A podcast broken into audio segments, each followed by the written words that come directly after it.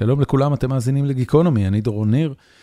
לפני חצי שנה עשיתי פרק עם יאיר נבות, קראנו לפרק הזה מה עובר על פוטין, וניסיתי לצלול לתוך ראשו של מי שעומד בראש רוסיה כרגע, וכבר הרבה מאוד שנים. יאיר הוא עיתונאי, הוא חי הרבה שנים ברוסיה, והיום הוא חי בהולנד, והוא אחד המסקרים האיכותיים והעקביים של המלחמה והמערכה בין רוסיה לאוקראינה, גם בשטח וגם בנגזרת הבינלאומית שלו.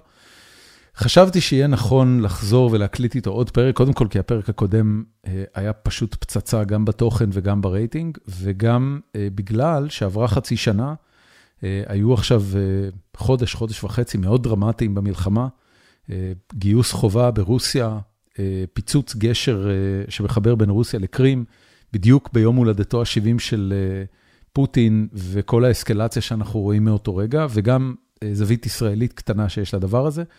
בסוף הפרק, על פי הנוהל, תהיה לנו חפירה אישית שלי, ובינתיים, שתהיה לכם האזנה נעימה, פרק 622 עם יאיר נבות.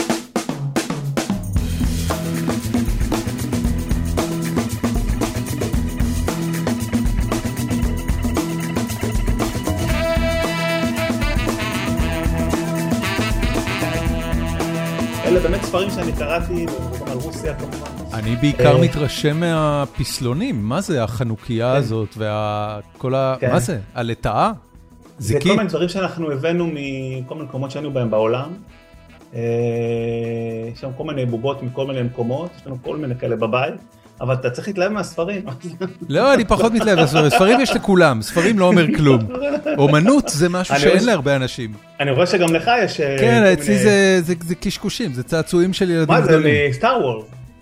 יש פה גלריה שלמה, אתה יודע מה זה Funko Pop? לא. Funko Pop זה מותג שעושה בובות או מיניאטורות. לילדים גדולים, זאת אומרת זה משהו שחבר'ה צעירים אוהבים, אבל כאילו זה מגיע לאספנות עד לגילאים מבוגרים יחסית. זה מגניב, אני מת על זה. וזה חברה ציבורית, כאילו זה חברה של מיליארדים. אה, יפה. They do very well. נסחרת והכל, וואו. כן, כן, כן, כן. מה שלומך, בן אדם? בסדר גמור, שמע, חשבתי על זה שפעם אחרונה שדיברנו זה היה בחודש מרס. נכון, בדיוק לפני חצי שנה. כן, והאמת היא שכמובן שכל כך הרבה קרה מאז. קודם כל, גם מבחינה כאילו, בגלל שהמלחמה הזאת היא כמובן אה, אה, לא הסתיימה ולא נעלמה לשום, לא הלכה לשום מקום, אז גם מבחינה אישית אני, אתה יודע, זה מדהים, החשיפה וה... אני מופיע בכל כך הרבה מקומות, ו... תגיד, ומדבר כ... בכל מקום. כמה, ו... כמה עוקבים היה לך לפני חצי שנה? לפני חצי, תראה, אני יכול להגיד לך שבחודש... נובמבר, דצמבר, היו לי בין 3,000 ל-5,000 עוקבים. וכרגע זה 31,000 אם אני זוכר נכון. כרגע זה 31,000, כאילו, כן. כמה זה? זה פי, פי שבעה, לא, פי שישה. תקשיב, יש, כאילו... יש אירועים בחיים של עיתונאי, של איש תקשורת, שבו הוא, עם הידע שלו והניסיון שלו, פוגש איזה גל של התרחשויות חדשותיות, נכון, שפשוט הופך אותך לטופ אוף דיור גיים. אתה זוכר את קריסטיאנה מנפור במלחמת המפרץ? בוודאי. שלפני זה, היא הייתה עיתונאית נחשבת, כולם ידעו מי היא בארצות הברית, אבל לא היה לה את התהילה הבינלאומית. נכון. ואז הגיעה מלחמת המפרץ, ו-CNN, זה היה המלחמה המשודרת הראשונה. נכון, נכון. וקריסטיאנה מנפור הפכה להיות, אתה יודע, שם בית בכל העולם. כן, אז בוא נגיד, קטונתי בקטון, אני לא קריסטיאנה מנפור, אבל בהיבט הישראלי והבלוגספירה נקרא לזה, אני חושב שחלק ממה ש... מה שגם תרם, מה שתרם לזה, דיברנו על זה אני חושב גם פעם קודמת, הייתה העובדה שבין השאר אני הייתי בין הבודדים שבאמת העריכו שהולכת להיות פלישה בסבירות גבוהה, עוד פעם, לא ודאי ולא בטוח מאה אחוז, לא, אבל אני כתבתי על זה כבר מנובמבר. אני אתן לך תזה חלופית, אני לא חושב שזה עניין של סקופ, אני חושב שזה עניין של רמה גבוהה וקונסיסטנטית.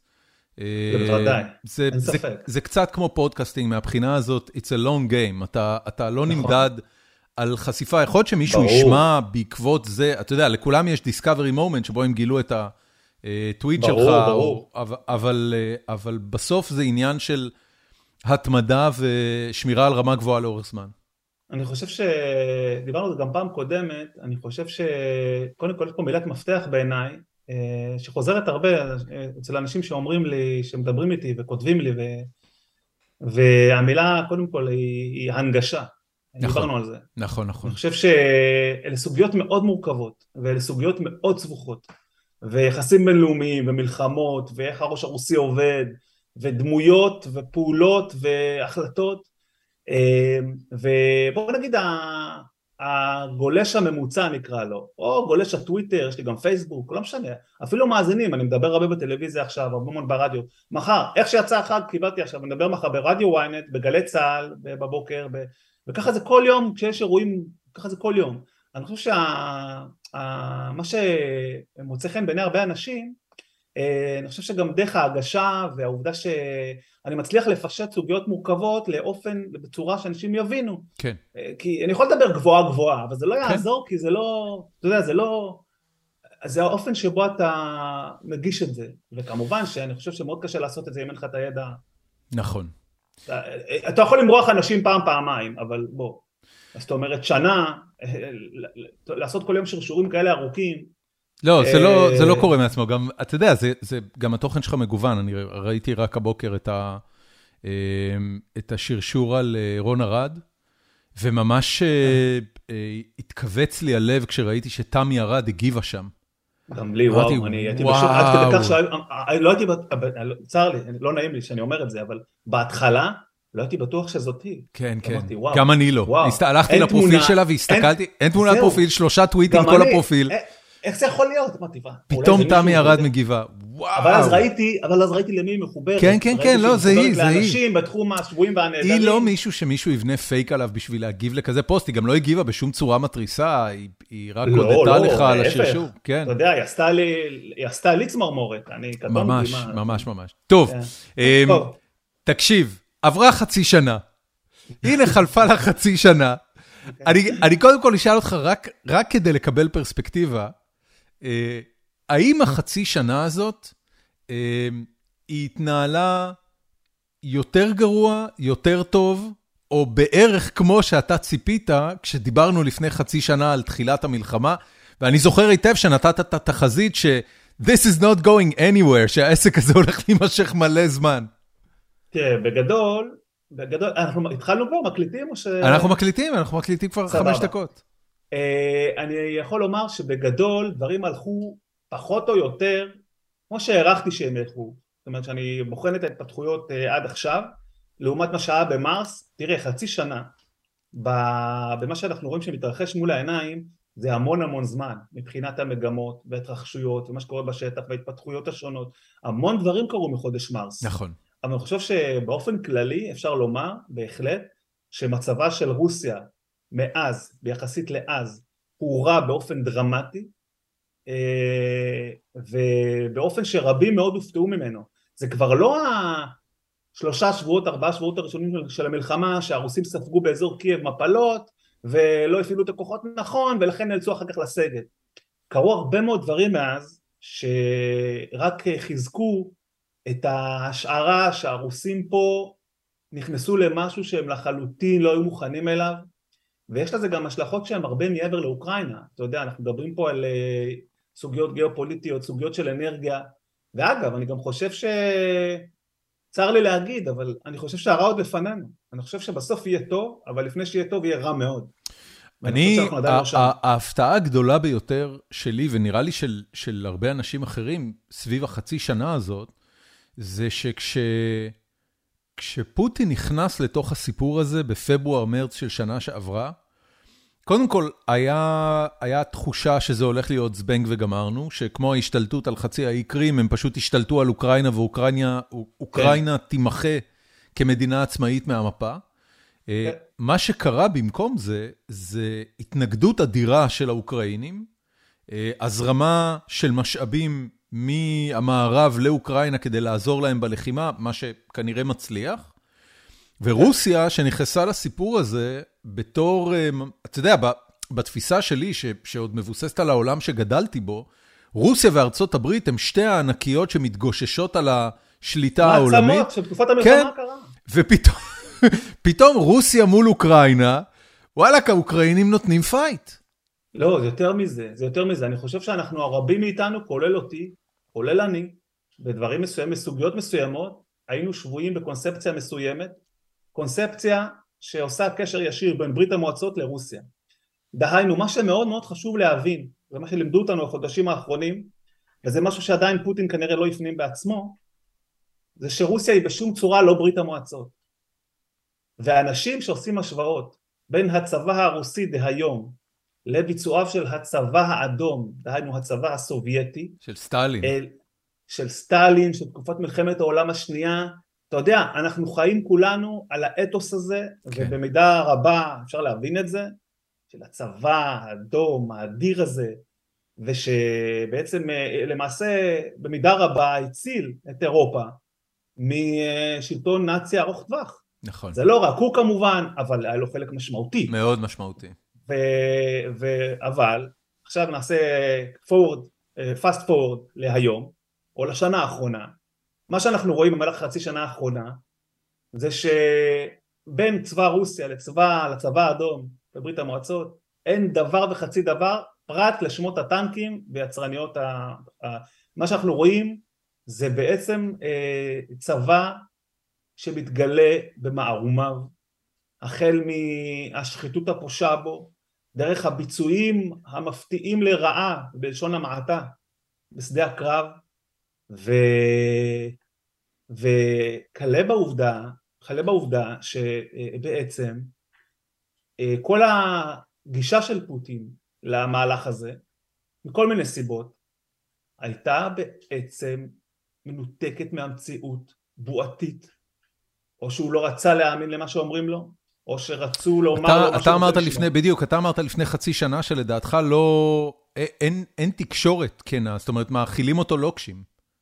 זה קורה בהרבה דיקטטורות, ובהרבה משטרים אוטוריטריים, ובמקרה הזה זה לא שונה, בטח ובטח כשמדובר במדינה שיש לה, שיש לה אה, תרבות כזאת, אה, גם, גם בממסד הביטחוני הצבאי, של אי אמירת אמת. כן. אי אמירת אמת, יסמנים, והתוצאה היא בעצם, ואנחנו נדבר על זה כי זה ממש מעניין, התוצאה היא בעצם מהרבה בחינות כישלון אסטרטגי מהדהד של פוטין, אפשר לגעת בזה, לעבור על זה עכשיו ולגעת בזה אה, סעיף סעיף, כל הדברים, או רוב רובם המוחלט של הדברים שאליהם הוא כיוון כשהוא יצא למהלך הזה, קרה ההפך הגמור. כן. קרה ההפך הגמור והמשמעות עבור רוסיה זה קשה לה, אני, אני אומר משהו שקצת יהיה קשה אולי לקבל אותו או להבין אותו בהתחלה אבל מי שבעצם פגע אנושות במעמדה ועוצמתה של רוסיה זה פוטין. כן. תקשיב, אני, אני רגע אחד רוצה לעשות uh, כזה, להריץ בזיכרון את מה שאני זוכר שהיו האירועים המהותיים של ה... Uh, של אפילו לא חצי שנה, כי זה הרבה מדי, אבל נגיד חודשיים אחרונים. אמ, מתי, מתי היו משאלי העם בשלושת האזורים הכבושים של אוקראינה? ממש אה, לקראת סוף ספטמבר. אוקיי, אז, אז אפילו פחות מזה, אנחנו מדברים פה על שלושה שבועות. הם, הם עשו משאלי עם.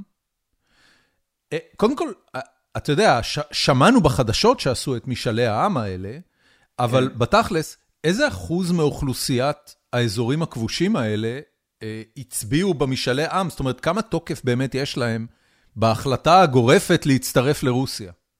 כן, צריך לומר את האמת, פשוט מאוד. אין לזה שום תוקף. ההצבעה... לא, אני לא, אני לא שואל על התוקף. אתה יודע, בעיניי כן. זה נמדד לפי כמה אחוזים מהאנשים הצביעו. יש מספרים על כמה הצביעו?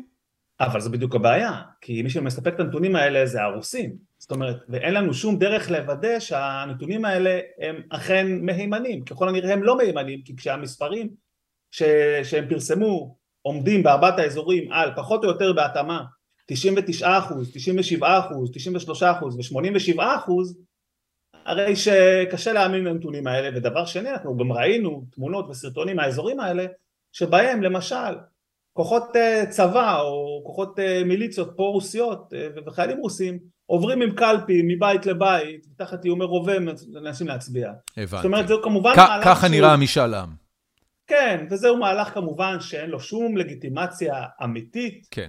אה, עוד הרבה יותר גרוע לדעתי ממה שהיה בחצי האי קרים, שבחצי האי קרים עוד יכולת לטעון במידה רבה של צדק, שיש שם נוכחות אתנית רוסית יותר גבוהה ו... ויכול להיות ששם הנתונים הם קצת יותר, גם, גם אז זה היה מוגזם, כן, 90 ומשהו אחוז, אבל, אבל פה זה פארסה אחת גדולה, וזה כמובן נעשה מאוד בחיפזון ובמהירות, כי פוטין, חשוב להבין, היה לו מאוד מאוד חשוב לייצר הישג, וזה הגיע אחרי תקופה של מפלות צורבות בשדה הקרב, שוב ושוב ושוב. כן. מתקפת נגד אוקראינית בחרקיב, אה, שהיממה את הרוסים, מתקפת נגד נוספת אה, באזור, אה, באזור חרסון,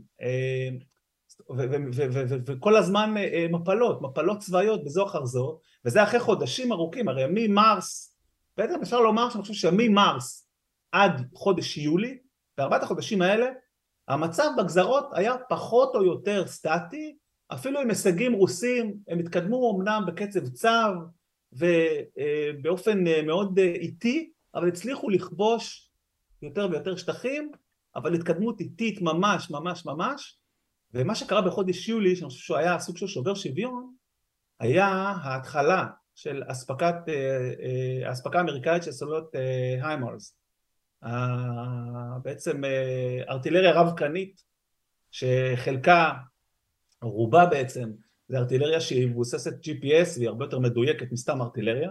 ברגע שהאוקראינים קיבלו את המערכות האלה בתחילת חודש יולי, כל תמונת החזית התחילה להשתנות. האוקראינים אה, עשו שימוש מאוד מאוד אה, פיקח במערכות האלה, אה, הם לא ירו בהכרח על אה, ריכוזי צבא רוסים, הם במשך אה, חודש, חודש וחצי, טיווחו את כל המרכזים הלוגיסטיים, מארגרי התחמושת של הרוסים באזורים הכבושים, באזור חרסון ובאזור אה, במזרח אוקראינה, ובעצם פגעו אנושות ביכולת של הצבא הרוסי להניע את הלוגיסטיקה שלו ולשמר את קווי האספקה שלו. ברגע שאותם חיילים רוסים שהשתלטו על אזור חרסון בדרום אוקראינה, זה אזור גדול, זה מחוז, אבל ברגע שהכוחות האלה אה, לא מסוגלים לקבל אספקה, לא, תחמושת, דלק, ציוד, מזון, כי מחסנים, כן. מחסני הלוגיסטיקה שלהם מפוצצים במאותיהם על ידי הסולות הארטילריה האוקראיניות הללו, יש להם בעיה. וזאת הייתה בעצם, היום אנחנו יודעים, שזה בעצם היה, בעצם היה השלב הקריטי הראשון לפני מתקפת הנגד עצמה.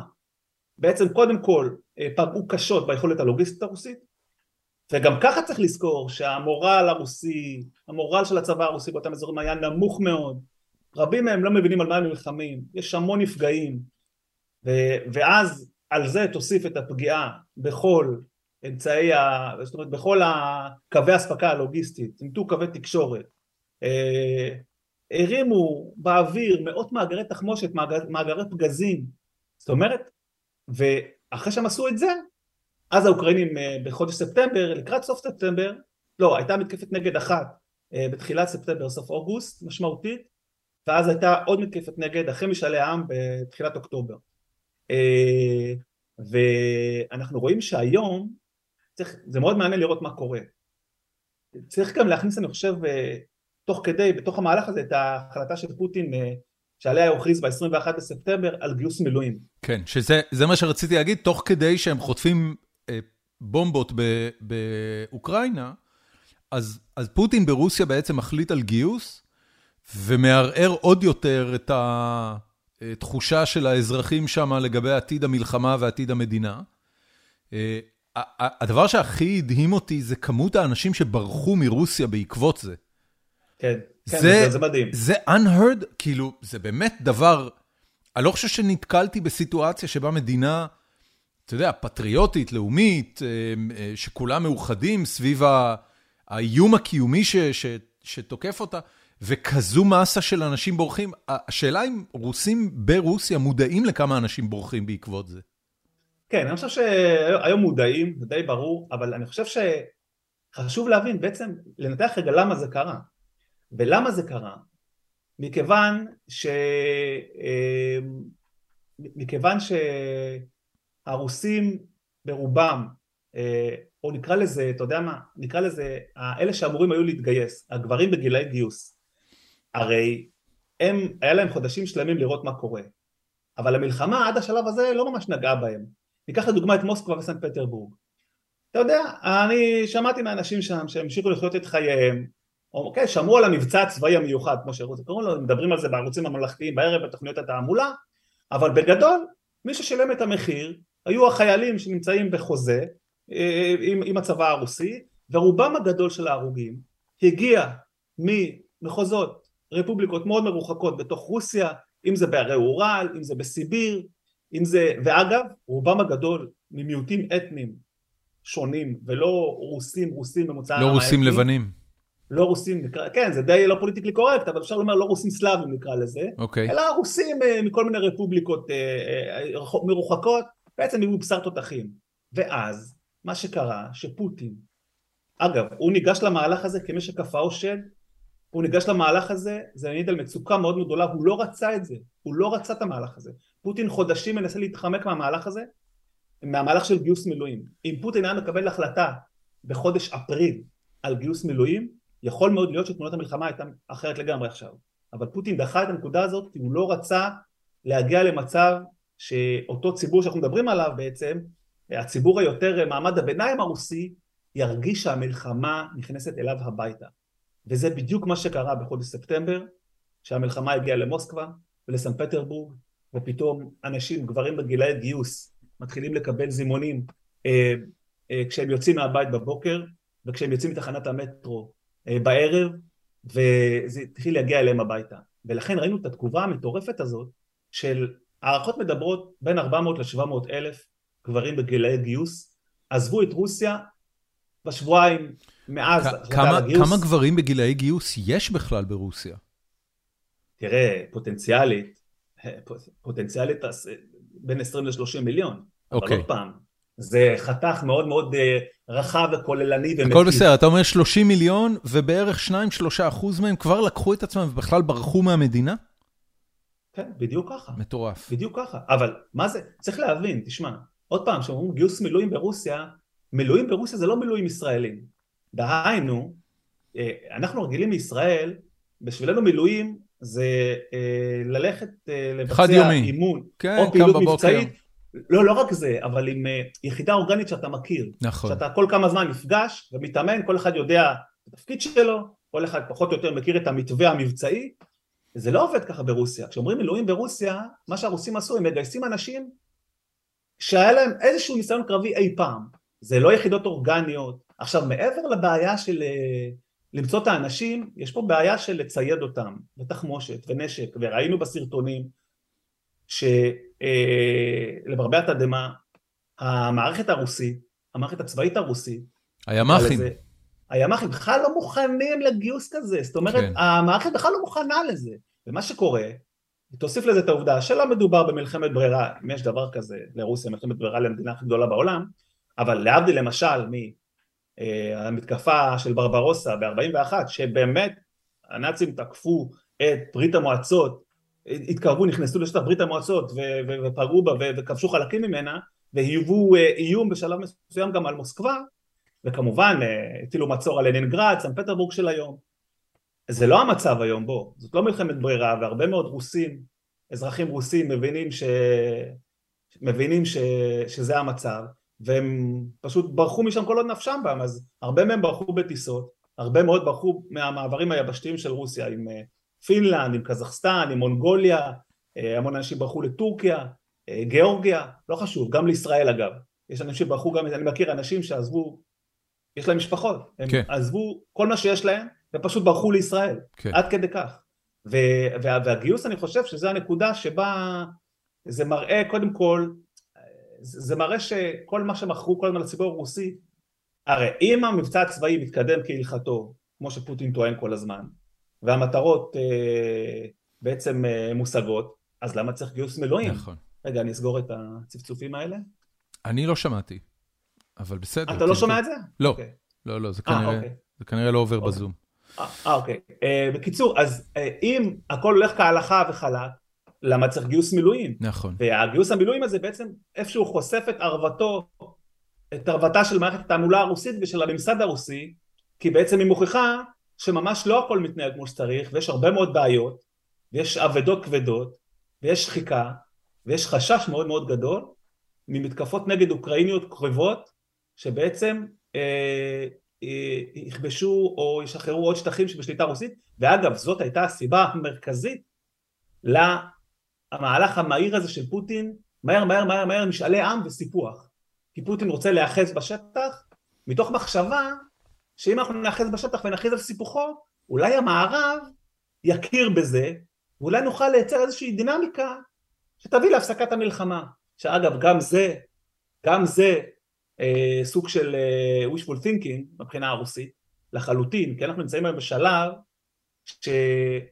שהסיכוי שהמלחמה אה, תיעצר בנסיבות ובמצב הנוכחי, ותקפיא את המצב הנוכחי, הן, אה, אה, הסיכוי הוא מאוד מאוד נמוך. האוקראינים כן. נמצאים עכשיו במומנטום צבאי. כן. אה, פוטין אה, מגלה שה, שההערכות שלו, שהמערב המפולג והחלש יקריב את אוקראינה, וככה הוא יוכל, אה, פוטין יוכל ככה אה, להפיק רווחים מהעניין, פתאום מתגלה שזה ממש לא ככה, והמערב בגדול די מאוחד, שים לב שארצות הברית לא ממצמצת. נכון.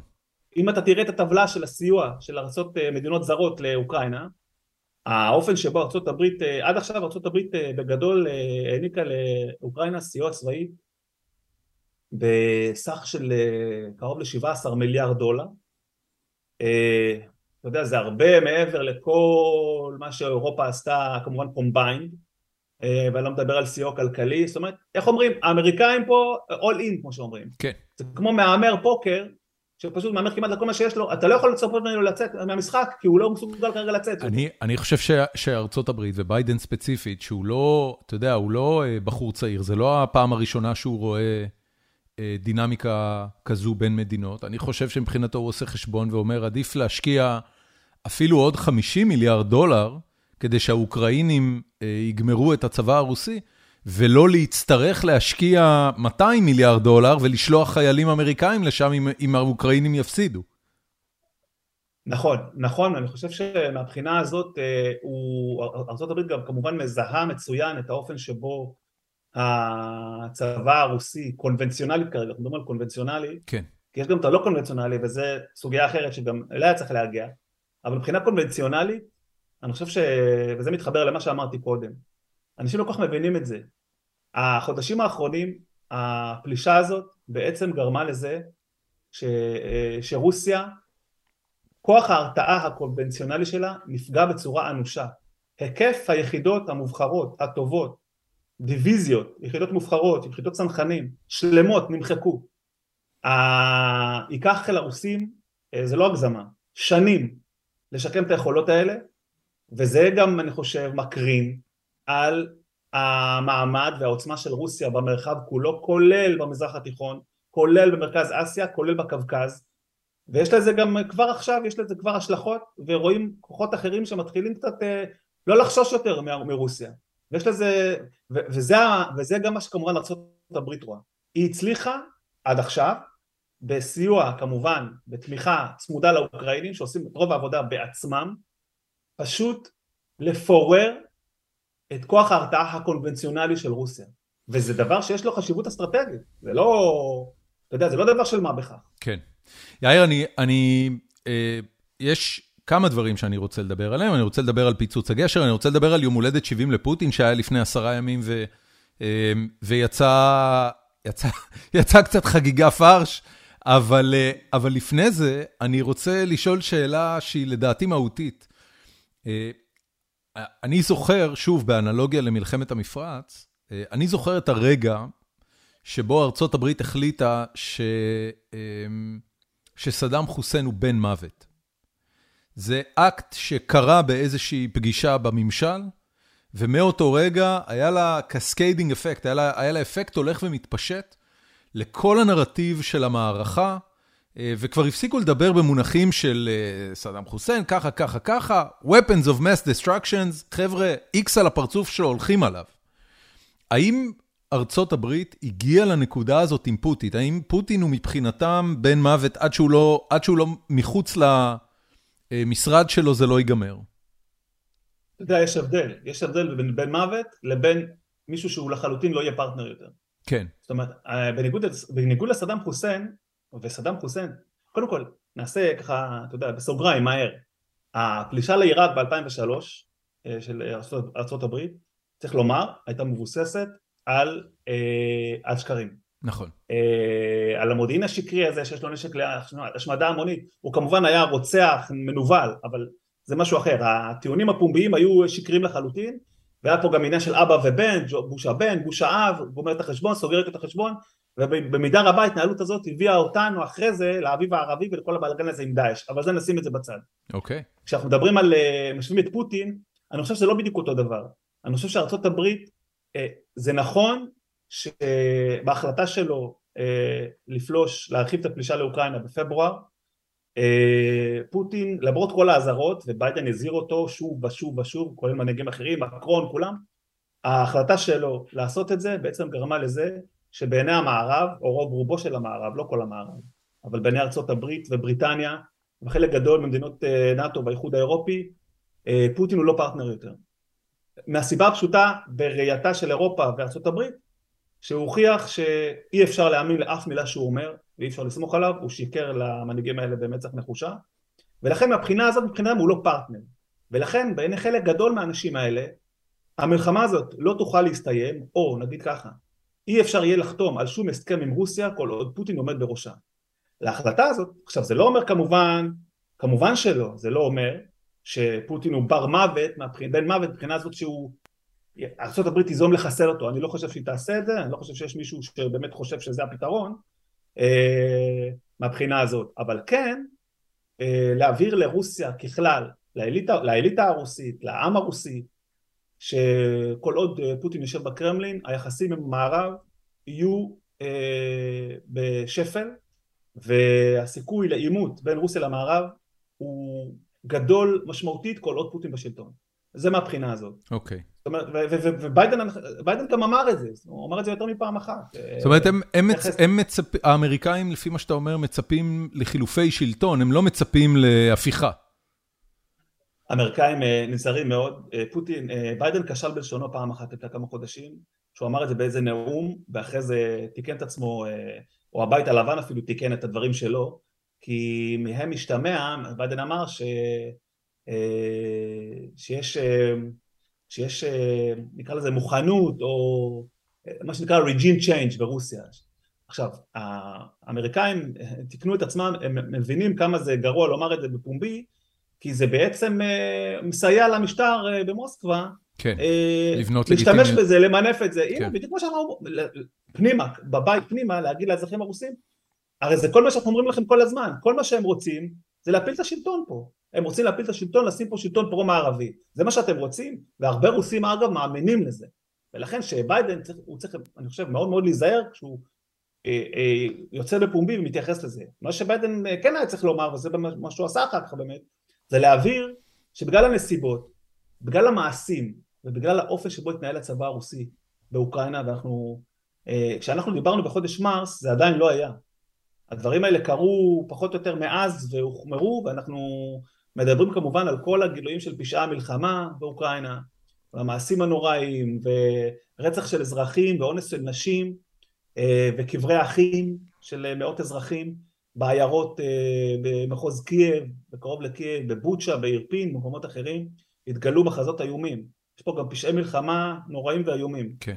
וכל התמונה הזאת ביחד אה, גורמת לזה שפוטין מהבחינה הזאת הוא כבר לא רלוונטי, זאת אומרת קשה לראות את פוטין וביידן נפגשים פנים אל פנים בפגישה יזומה בין שניהם, למרות ששניהם אגב אמורים להשתתף בוועידת ה-G20 באינדונזיה באמצע נובמבר, אבל הסיכוי שתהיה שם לחיצת יד או איזושהי שיחה שהוא הוא, הוא נמוך ביותר, okay. אוקיי. וכך זה ימשיך להיות. עכשיו, אה, אה, לפוטין היה יום הולדת לפני עשרה ימים, ב-7 באוקטובר, הוא היה בן 70.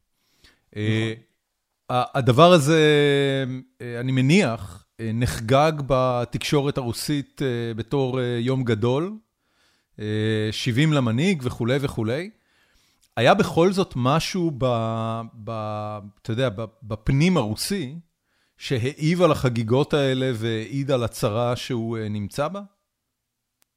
כן, בהחלט. קודם כל, ב... נקרא לזה, בשדה הפנימי, בתוך רוסיה, בניגוד לשנים עברו, ואני הייתי שם, אז אני זוכר, האירוע הזה היה הרבה יותר אה, משמעותי.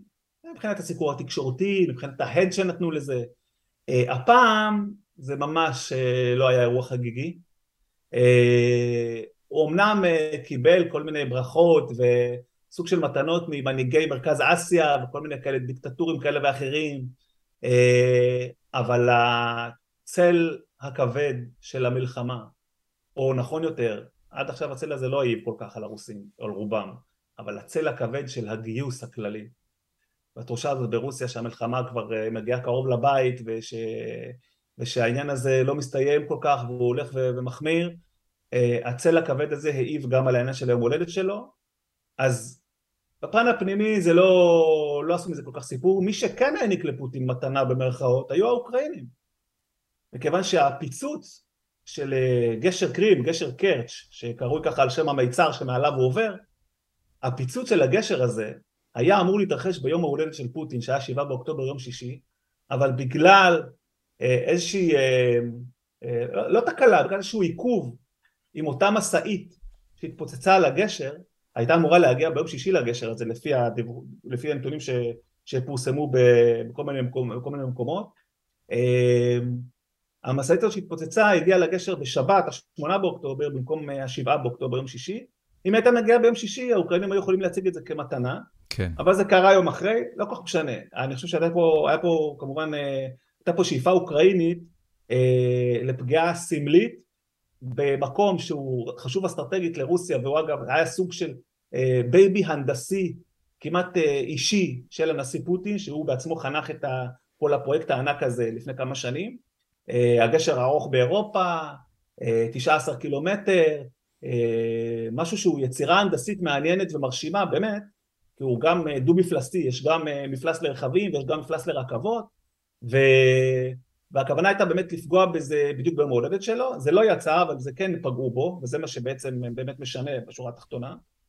אה, פגיעה שהיא השפלה, השפלה לרוסיה והשפלה אישית. השפלה אדירה, ואתה יודע, אנחנו רואים את הדברים האלה רק דרך המדיה הדיגיטלית, אבל האינטרנט חגג במימס את פיצוץ הגשר הזה אה, ברמות ש... אתה יודע, זה כל כך מוזר שאנחנו חיים בתקופה שבה בסוף הכל מתרגם למימס אינטרנטיים. לא משנה מות המלכה... משובחים אגב. כן, משובחים. לא משנה אם זה מות המלכה או פיצוץ גשר או מה שנראה בתור הדבר הכי קרוב למלחמת עולם כן. שאנחנו זוכים לראות בתקופת חיינו, ו, ו, וזה פשוט התעופף מכל מקום. אני התעוררתי בבוקר, אתה יודע, פה באוסטין אנחנו קמים יחסית כן. מאוחר, אז התעוררתי וישר ראיתי כמה האינטרנט מוצף בזה. קורע מצחוק, באמת, בלי להקטין מגודל הטרגדיה. כן. והדבר הזה, אני מניח, הוא כמו דקירה אדירה בעין של אה, רוסיה. אה, השפלה. השפלה. השפלה אישית לפוטין, השפלה כמובן לרוסיה.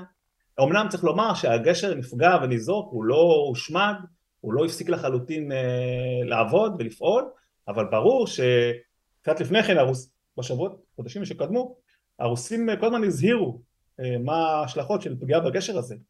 ואנחנו, אגב, וגם פוטין בעצמו הזהיר כשהוא סיפח את אותם אזורים, את אותם ארבעת אזורים לרוסיה, הוא הזהיר שאם אוקראינה תעז לתקוף את האזורים הללו אחרי סיפוחם, יהיו לזה השלכות מאוד מאוד דרמטיות. אז הנה הרוסים אה, ספגו פגיעה בגשר קרין, אבל זה נכון שראינו אה, כן תגובה רוסית אה, משמעותית מהבחינה הזאת שהם כן תקפו בחמת זעם את קייב שבוע שעבר, זאת אומרת בדיוק אחרי שהפגיעה בגשר, הפגיעה בגשר הייתה בשבת, בשני הייתה מתקפה ממש אה, דרמטית על קייב של אה, קרוב ל-80 אה, טילי שיוט ומל"טים מתאבדים. קייב לא הותקפה ארבעה חודשים עד אז, וזה נמשך גם ביום שלישי, ואגב זה נמשך גם היום. זאת אומרת, פוטין הגיב, והגיב באופן מאוד חריף נגד קייב, אבל בשורה התחתונה, אלה לא פגיעות ש... משנות במשהו את המאזן הצבאי בשטח, נקרא לזה. כן, אני, ו... אני גם קראתי, ת, תגיד לי אם זה נכון, אני קראתי אה, באיזשהו מקום ביומיים האחרונים, שאחוז הפגיעות אה, הוא מאוד מאוד נמוך, כי יש להם מערכות ליירוט לאוקראינים? נכון, קודם כל אה, חלק לא קטן מטילי השיוט ומהמל"טים האלה, האיראנים אגב, וזה גם רלוונטי אלינו, זה מאוד מעניין. חלק לא קטן מה, אה, מה, טילים והמל"טים מצליחים להיות מיורטים על ידי האוקראינים, לא כולם, כי זה קשה כששולחים, אתה יודע, בתוך שעתיים שלוש 60-70 טילים, אז קשה, קשה להאמין שאפשר ליירט את כולם, אבל, אבל הם כן מצליחים ליירט חלק מהם, עם אחוזי הצלחה לא מבוטלים, אבל גם לא, לא, לא סופר גבוהים, אבל, אבל מצליחים. אז מהבחינה הזאת, וראינו את זה גם ממש גם היום בבוקר, זה, זה מדהים. אני חושב שהעולם שאנחנו חיים בו היום, בגלל ההיבט הטכנולוגי, מאפשר לנו לראות כמעט מיד, כמעט בתוך דקות, כן. מה שמתרחש בצד השני של העולם, ולחוות כמעט ברמת ה... הניס... החוויה את, את מה שמתרחש. ומה שקרה למשל היום בבוקר בקייב זה היה מדהים. היו סרטונים של אה, אותה מתקפת מל"טים מתאבדים מתוצרת איראן, על כמה וכמה אה, יעדים אה, בקייב. האיראנים, אה, האיראנים, הרוסים, שלחו קרוב ל-30 מל"טים כאלה, ואתה רואה בסרטונים, אתה שומע את הזמזום של מנוע, המנוע של המל"ט. זה כמו זמזום טורדני של זבוב כזה. צירה. אבל, זה, כן, וזה, אני חושב שיש בזה משהו מבעית. כן. כי אתה, אתה, אתה, הרבה פעמים לא, קשה מאוד ליירט אותם, הם מהירים והם כבדים והם גדולים. איזה מטען נושא דרון כזה?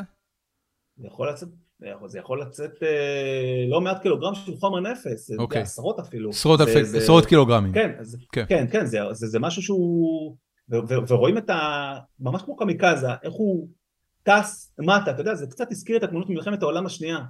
של הפצצות, ה... כן, של השריקות של, ה... של, ה... של הפצצות הגרמניות, כן. ו... וזה די מבעית. תחשוב שאתה אזרח בעיר כזאת, אתה שומע את הזמזום הזה אלוהים, בבוקר. פחד אלוהים. שמע, זה, ו... אבל מה שיאמר לזכותם של האוקראינים, שהם מגלים יכולת עמידה מאוד מרשימה, והם מאוד נחושים, ונכון שזה גורם לנזק כמובן ולקורבנות, וזה גורם גם כמובן, אין מה לעשות, לפגיעה במורל מהבחינה הזאת של פחד ואימה, טרור. אבל אני חושב שאנחנו עכשיו כבר כמעט שמונה חודשים מאז שהפלישה הורחבה.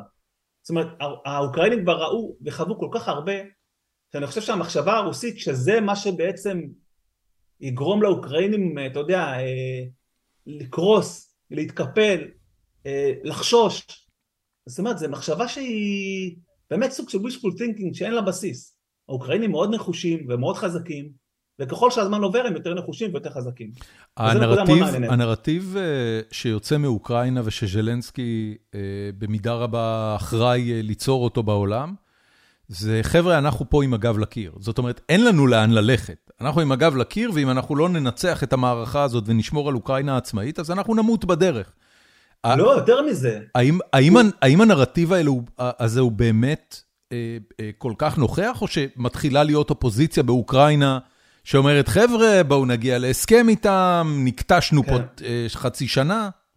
אז קודם כל, לגבי הנרטיב שציינת, אני חושב שהנרטיב שזלנסקי מנסה לקדם מול המערב, זה דבר הרבה יותר חזק. זלנסקי אומר, אתם לא מבינים, זאת לא, זאת לא מלחמה רק שלנו, היום זה אנחנו, מחר זה פולין, היום זה אנחנו, מחר זה המדינות הבלטיות. זאת אומרת, אנחנו פה נמצאים בחזית המאבק. הוא, הוא האצבע ואנחנו... בסכר, הוא הילד עם האצבע כן, בסכר. ככה הוא טוען, זה הנרטיב, כן, למרות כן, שצריך כן. לומר, אוקראינה לא חברת נאט"ו, המדינות האלו כן חברות נאט"ו, ולא בטוח שפוטין יעשה את זה, אבל ברמה, אבל מבחינה עקרונית, יש במה שהוא אומר הרבה אמת. זאת אומרת, אם אתם היום, אליבא דה זלנסקי, מחליטים להיכנע לתוקפנות הרוסית, ויש פה תוקפנות, הם כבשו אותנו, כן. הם, הם, הם סיפחו 15% משטח המדינה שלנו, הם ביצעו בנו פשעי מלחמה, הם אנסו את נשותינו ורצחו את ילדינו, ואם אתם תיכנעו להם היום, אתם לא מצילים את עצמכם, אתם פשוט דוחים את המלחמה לעוד מעט קדימה, אבל היא תרגיע, היא תרגיע. אתה יודע, אתה, אתה חי במדינה מערב אירופאית, אה, הולנד, אה, איך הדבר הזה משתקף בתקשורת ההולנדית? זאת אומרת, קונים את הנרטיב הזה? זה, זה הנרטיב שגם מפומפם להולנדים? תתמכו באוקראינה זה... או שזה יגיע אליכם? זו נקודה מעניינת. קודם כל, אה, אה, הולנד אה, תומכת באוקראינה בצורות שונות, מסייעת לה, סיפקה לה מערכות נ"מ, את הטילים, פה ושם, עוד פעם, זה כלום, זה טיפה בים ביחס לארה"ב, אבל אני חושב שאצל כל האירופאים, כולל ההולנדים, יש, קודם כל, יש, ברור שיש גם כאלה שלא רוצים לשלם את המחיר. מה לנו ולמלחמה הזאת באוקראינה? למה אני, כתושב רוטרדם, עכשיו צריך לשלם 200 אחוז יותר על מחיר האנרגיה שלי בגלל המלחמה הזאת. לא רוצה, תעזבו אותי, זה לא מעניין אותי, אני בטח לא מוכן להילחם בשבילם. יש קולות כאלה, כזה ברור, בכל המקומות יש קולות כאלה. אבל יש גם רוב זה, רגע, שמוצק. ש, שאלה קטנה לגבי הקולות האלה. הם, אה, הם אה, מזוהים פוליטית? זאת אומרת, הקולות האלה בעיקר נגיד מגיעים מימין, אה, להבדיל כן, מה... נקודה, זו- נקודה מעניינת. באופן כללי נגיד, ועוד פעם, אני אני לא רוצה לעשות פה הכללות, כי זה, זה מאוד תלוי, אבל בגדול, ככל שהולך יותר ימינה, אז הקולות האלה שהם יותר, ש, ש, שפחות מבינים את הנרטיב האוקראיני, מתחזקים, הבנתי, אוקיי? אוקיי. נ- נ- נ- נאמר ככה. עכשיו, יש, אירופה היא כמובן גדולה, היא לא מקשה אחת. כן, כן, לא, אני אה, דיברתי רק על הולנד, ש- שזה כן. משהו שאתה חווה ממש לא, אבל- ברמת הרחוב. אבל, אבל, אבל ברמה הזאת אני חושב שדוגמה הרבה יותר מעניינת זה גרמניה. בגלל שגרמניה עצמה משלמת, ואזרחי גרמניה משלמים מחיר הרבה יותר משמעותי, כי התלות הגרמנית במה שהיה האנרגיה הרוסית הייתה הרבה יותר גדולה, והגרמנים, והכלכלה הגרמנית, והתעשייה הגרמנית, אה, ומשקי הבית הגרמנים, הם אלה שעומדים להרגיש קרוב מאוד בחורף המתקרב את המחיר של המלחמה הזאת. אבל זה לא מונע מהרבה מאוד גרמנים לומר אנחנו מבינים, אנחנו יודעים, אנחנו מבינים שזה אומר שאנחנו נסבול יותר, אבל אנחנו לא חושבים שזה נכון אה, לוותר לפוטין. אני, אני. אני אספר לך רק, אה, אתה יודע, שתדע איך זה נראה מהצד הזה של האוקיינוס. אה, אני חי באוסטין, טקסס. אה, אוסטין היא במידה רבה עיר אוניברסיטאית, יש פה את University of Texas שיש בה מאות אלפי סטודנטים, זו אוניברסיטה ענקית, לדעתי יותר כן. מ-200 אלף סטודנטים, וזה על עיר של מיליון תושבים, אז אתה יכול לדמיין לעצמך את ההרכב האנושי. מעל הקמפוס של אוניברסיטת טקסס מתנוסס תורן עצום ממדים, באמת, אני לא אתפלא אם הוא 30 עד 40 מטר גובה, ועליו. בראש התורן דגל ענק של ארצות הברית, ומיד מתחתיו דגל ענק של אוקראינה, באותו גודל בדיוק. שניהם מתנופפים, כל פעם שאני נוסע לכיוון הדאונטאון וחוזר, אני רואה את הדגל הזה. ש- שזה מדהים. זה מטורף, זה כל... אתה יודע, אתה אוקראינה... חושב על זה, אמריקה כן, זה לא אירופה. בדיוק. קצה השני של העולם. זה, זה, זה, משהו, זה, זה משהו שאני לא זוכר שראיתי מאז שאני חי בארצות הברית. זאת אומרת, בקליפורניה לא ראיתי בחיים שלי שום דבר כזה. אבל זה, זה ממש מציב את זה בתור אה, בעלת הברית, אתה יודע, כמו המוצב בחזית של, של אמריקה, על הקרב הגלובלי על, אה, על חופש וצדק. אה, אז, אז יום הולדת 70 יצא לפוטין מבאס. אה, יצא משהו מהשלטון סביב העניין הזה של המתנה, מתנת יום, יום ההולדת של האוקראינים? פוטין התייחס לזה בדברים שלו? הוא, הוא, אה, הוא הגיב לזה? כמובן. לא, לפיצוץ, לפיצוץ הגשר כמובן שהוא הגיב. כמובן האשים את האוקראינים, ואמר שזה מעשה טרור ברברי, ושזה פגיעה בתשתית אזרחית, כן, שזה, שזה די משעשע באופן... Jokes on אה, you, מה שנקרא. כן, כאילו אה, הכל עובר עליך וקקע בידיך, זאת כן. אומרת, אה, בוא, אתה מדבר על פשעי מלחמה ועל פגיעה באזרחים, אתה יודע, זה כל כך מגוחך נראה, זה מה שנקרא גם השלכה, להשליך על אחרים מה שאתה בעצמך עושה, כן. אה, אבל הוא התייחס לזה כמובן, אה, והוא קבע מאוד מהר כמובן שמדובר בפעולה של שירותי הביון האוקראינים ושמדובר במעשה טרור, והיה צריך כמובן להצדיק את המכה שהוא החטיף לקייב מאוחר יותר בעקבות זאת, אה, אבל אני חושב שבאופן כללי אנחנו חייבים להבין שפוטין נמצא במצוקה, זאת אומרת, אם אנחנו מנסים כרגע קצת, עכשיו ככה קצת אה, לצאת מזום אין ולצאת קצת למבט אה, יותר רחב, אז בגדול הגיוס היה, הגיוס הכללי הוא עדות למצוקה, אה, התקיפות האלה הן גם, הן, הן עדות למצוקה הרבה משום שפוטין מרגיש צורך לרצות גורמים רדיקליים ממנו בממסד הרוסי שלוחצים עליו ודוח, ודוחקים בו להגיב באופן דרמטי הרבה יותר על הפגיעה בגשר. ומבחינה צבאית, אמרנו, בחזית עצמה, זה לא משנה כלום, הבעיות של הצבא הרוסי הם עדיין אותן בעיות, הוא כן. סובל ממחסור אדיר בכוח אדם, בציוד, והכי חשוב, במוטיבציה. כן. וזה ההפך הגמור מהכוחות האוקראינים שיש להם את הפריבילגיה, במרכאות, פריבילגיה, כן, במצבם, זה לא פשוט, אבל יש להם אה, אספקה אה, רציפה ותמיכה מערבית, יש להם אה, תמיכה מבית, ודיברנו, לא, לא, לא הזכרתי את זה קודם, אבל באופן כללי באוקראינה סקרי דעת קהל עקביים מראים שרוב הציבור האוקראיני תומך בהמשך הלחימה ותומך בהמשך המאבק האוקראיני לשחרר עוד אדמות שהרוסים כבשו אין להם, ברור שבתוך אוקראינה יש גם, אני מניח, כאלה שעייפו ממלחמה והיו רוצים שלום, אבל האם זה אומר שהם מוכנים שהמצב כמו שהוא ייפסק כרגע ויהיה הסכם עם רוסיה? בשום פנים ואופן לא. אוקיי. Okay. בוא נדבר רגע על, אה, על, על, אה, על מה שמכונה בתקשורת נשק גרעיני טקטי. אה, אני רוצה לספר לך אנקדוטה. היה פה הופעה של רוג'ר ווטרס לפני שבועיים. או, ידענו, כן. והלכתי לראות את ההופעה, כי אני, אני מאוד אוהב את המוזיקה של האיש. הפוליטיקה שלו, יש לי קצת יותר בעיה, אבל אתה יודע, אני לא לוקח אותה יותר מדי ברצינות. הוא מוזיקאי, כן. כן, הוא מוזיקאי. אחד הדברים שהוא סיפר בהופעה, או, או ציין, אה, הוא סיפר על משהו שאני לא ידעתי על קיומו, וזה אה, Doomsday Clock, אה, שעון יום הדין. שעון יום הדין זה, אני לא יודע איך לתאר אותו, זה איזשהו שעון דמיוני, שמאז שנות ה-40 או ה-50, כל שנה שואלים את כל האנשים שנוגעים, או את החוקרים שאחראים על מה שקשור לנשק גרעיני בעולם, שואלים אותם כמה אנחנו קרובים ל doomsday. השעון הדמיוני הזה אה, כן. מראה כל פעם שעה, כשאם הוא מגיע ל midnight, זה אומר שאנחנו במלחמה גרעינית שהולכת להשמיד את כל האנושות. שעון העצר. כן. שעון העצר. ו, אה, ובשנה האחרונה, ה doomsday אה, clock, לדעת כל המומחים, הגיע לנקודה הקרובה ביותר לחצות, ל midnight, שהוא כאילו שעת השין שבה אנחנו נמצאים בשואה גרעינית קומפלט. ו- וזה נמצא 100 שניות ממידנייט, 100 seconds to midnight. עכשיו, mm-hmm. זה מטאפורה, וזה, אתה יודע, בוא. זה כמו לשאול את מדד העושר העולמי וכולי וכולי, אבל אני, אני קודם כל אשאל, אה, האם אתה מכיר את העניין הזה של Doomsday Clock, והאם זה משהו שבכלל מדברים עליו או משתמשים בו כאיזשהו כלי אסטרטגי להעריך את מצב הסיכונים בעולם? ואיפה פוטין, עם האיומים שלו על נשק גרעיני טקטי, מקדם אותנו קרוב יותר לחצות ולשואה גרעינית. כן, אז קודם כל כמובן שהמושג מוכר לי, אה, ואני חושב שאנחנו לא צריכים ללכת רחוק כדי להבין איפה אנחנו עומדים. הנשיא ביידן בעצמו אמר, ממש לפני, לדעתי, שבועיים שלושה, הוא בעצמו אמר שאנחנו נמצאים היום במצב המסוכן ביותר מבחינת הגרעין בעולם, או הסכנה לעימות גרעיני בעולם, מאז משבר הטילים בקובה.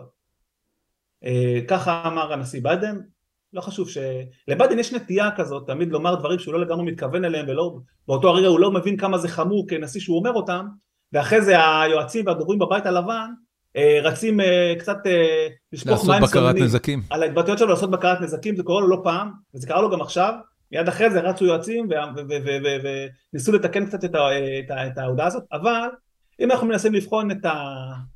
את תמונת הדברים, אה, אתה יודע, נכוחה ככה באופן קר, בלי... אז אני חושב שאנחנו נמצאים היום אה, אכן הרבה יותר קרובים לאפשרות של שימוש בנשק גרעיני לראשונה מאז מלחמת העולם השנייה כמובן והירושימה ונגסקי. עכשיו האם בהכרח זה אומר שזה יקרה? לא. האם זה אומר שפוטין מסוגל לקבל את ההחלטה הזאת? אני חושב שכן. ואני חושב אבל גם שחשוב לסייג ולומר שכשאומרים שימוש בנשק גרעיני יש כל מיני רמות. זאת אומרת, ב... ב... זה לא מוריד כמובן מהחומרה של השימוש בו, כן? לרגע, אני לא מקל בזה ראש, אבל אני חושב שיש הבדל בין להטיל פצצת אטום על עיר הומה, ב... קייב. ב... ב...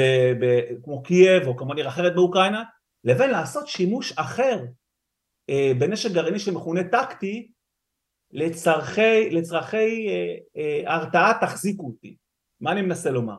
מה, לעשות יש... ניסוי באיזה ים... אה... למשל, אני אומר, יש פה, אה, אני חושב שחשוב להבין שלפני פוטין זה לא, יש מנעד של אפשרויות, זה לא או שאני מטיל עכשיו גרעין על וושינגטון, או שאני מטיל גרעין על קייב, וזהו, אלה האופציות שיש לי. לא, יש שורה של אופציות במנעד הזה. שמה שמנחה את פוטין בעניין הזה זה א', כמה מצבו נואש, ב', מה הוא מנסה להשיג. אז אם אנחנו מנסים לנתח את זה, יש בהחלט אפשרות שהוא ינקוט באופן שיפתיע מהבחינה הזאת. למשל, ניסוי גרעיני תת-קרקעי בשטח רוסיה איפשהו, אם זה בים ברנץ בצפון, אה, בצפון רוסיה, אם זה אה, אי שם באחד השטחים הנידחים בתוך רוסיה, אם זה בקמצ'טקה, ניסוי גרעיני תת-גרעיני, או ניסוי גרעיני ימי. כמובן, כמובן ניסוי גרעיני מתוקשר היטב, שהוויז'ואל של הפטריה עולה לה בשמיים, כולם יראו אותו מקצה לקצה. אני להזכיר לכם שאנחנו לא מתעסקים בקקה פה. אנחנו לא משחקים משחקים, אנחנו באמת רציניים, או ניסוי גרעיני יכול להיות ככה שגם באוויר, באזור מבודד יחסית, פצצה גרעינית שמתפוצצת באוויר, זו אופציה, בואו ניקח את שלושת האופציות האחרונות ונשים אותן בתוך אה, אה, תיקייה אחת. זה אופציה של, אה, נקרא לזה שופוני. זאת אומרת, אני מסוגל, זה ניסוי גרעיני, תראו את היכולות שלנו, אני רוצה עכשיו הסכם שלום, אל תלחצו אותנו עם הגב לקיר. אה, זו אופציה אחת. אופציה שנייה זה שימוש גרעיני טקטי בנשק על אדמת אוקראינה. זאת אומרת, באחד המקומות, אה, או על אחד היעדים האסטרטגיים האוקראינים, לא בהכרח עיר, זה יכול להיות שטח גדול, מבודד יחסית, זה יכול להיות אה, אה, ריכוז גדול של כוחות צבא אוקראינים, למרות שבמלחמה של היום האוקראינים לא מחזיקים במקום אחד כזה ריכוז של כוחות אדיר, אה, אבל לצורך העניין הוא יכול לעשות את זה על אדמת אוקראינה. כמובן שעל אדמת אוקראינה יש לזה כמובן השלכות מאוד מאוד משמעותיות, מכיוון שלהבדיל מניסוי גרעיני בשטח הריבוני שלך, זו פעולה התקפית. שבו אתה, שבו אתה זכאי, לא, לא חושב שגם ניסוי גרעיני שהוא לא מתוכנן והוא לא מודיעים עליו קודם, הוא חורג מהאמנות והחוק הבינלאומי, אבל לצורך העניין אתה עושה את זה בשטח הריבוני שלך, זה משהו אחר. כן. ברגע שאתה מפעיל את הנשק הגרעיני הטקטי הזה בשטח מדינה אה, שכנה, אחרת, כמו אוקראינה, כמובן שיש לזה השלכות. או אופציה אחרת כמובן, שימוש טקטי גרעיני על עיר באוקראינה. עכשיו מה, אנחנו צריכים לנסות לנתח את זה, מה, מה, מה, למה זה יקרה ומה המטרה של פוטין פה. אז אנחנו צריכים לנתח את זה לפי המצב, מצבו של פוטין והמצב בחזית בשדה הקרב. אני חושב שנכון להיום, נכון, אנחנו מדברים היום, ב-17 באוקטובר, אני חושב שאנחנו עדיין נמצאים במצב שבו פוטין ורוסיה לא נואשים מספיק כדי לנקוט במהלך אה, גרעיני טקטי על אדמת אוקראינה. הוא בהחלט יכול בשבועות, בחודש, בשבוע הקרוב, בשבועיים הקרובים, בחודש הקרוב, לבצע סוג של ניסוי גרעיני מתוקשר היטב בשטח רוסיה. עכשיו יש פה כמובן מטרה, זה לא סתם, זה אה, להראות את היכולות ולהראות שמסוגלים ויכולים. עכשיו, אבל מה, למה שפוטין יעשה דבר כזה? או למה שפוטין ישתמש בגרעין טקטי על אדמת אוקראינה? הוא צריך להיות מאוד מאוד נואש, והוא צריך בעצם, אני חושב, המטרה בכל המהלך הזה היא לא להשמיד את אוקראינה, כי זה לא מה שהוא מחפש. הוא רוצה לגרום למערב ללחוץ את אוקראינה להפסיק את האש. הוא רוצה לכפות על אוקראינה הפסקת אש, הוא רוצה לכפות על המערב להפסיק את המלחמה הזאת. אה, ואליבא דה פוטין, אם המערב יבין שהוא רציני והוא מוכן להשתמש בנשק גרעיני טקטי על אדמת אוקראינה, אה, אז אני חושב שהוא מניח שהדבר הזה יסייע לרבים במערב המפולג אה, ובארצות הברית פתאום לתפוס אותם ולהגיד חבר'ה זה לא, זה לא, זה לא שופוני, זה, זה, זה אופציה אמיתית וזה מסוכן לשלום העולם. והאוקראינים היקרים, אנחנו תומכים בכם, אנחנו מבינים אתכם, אבל צריך לעצור. צריך לעצור כי עתיד העולם פה על הכף. זה מה שפוטין מקווה שיקרה. עכשיו... אה, זה לא, אנחנו... זה לא מהלך שברגע אחד הופך אותו מ... אה, ממישהו שיוכל להמשיך אה, להוביל את רוסיה בשנים הקרובות למישהו שצריך פשוט להיפטר ממנו בהקדם האפשרי ולא משנה איך? אז השאלה מעניינת, משום שאם הוא יעשה את זה, אני לא מדבר על ניסוי, אני מדבר על שימוש בנשק גרעיני טקטי על אדמת אוקראינה, אפילו על אזור ריק.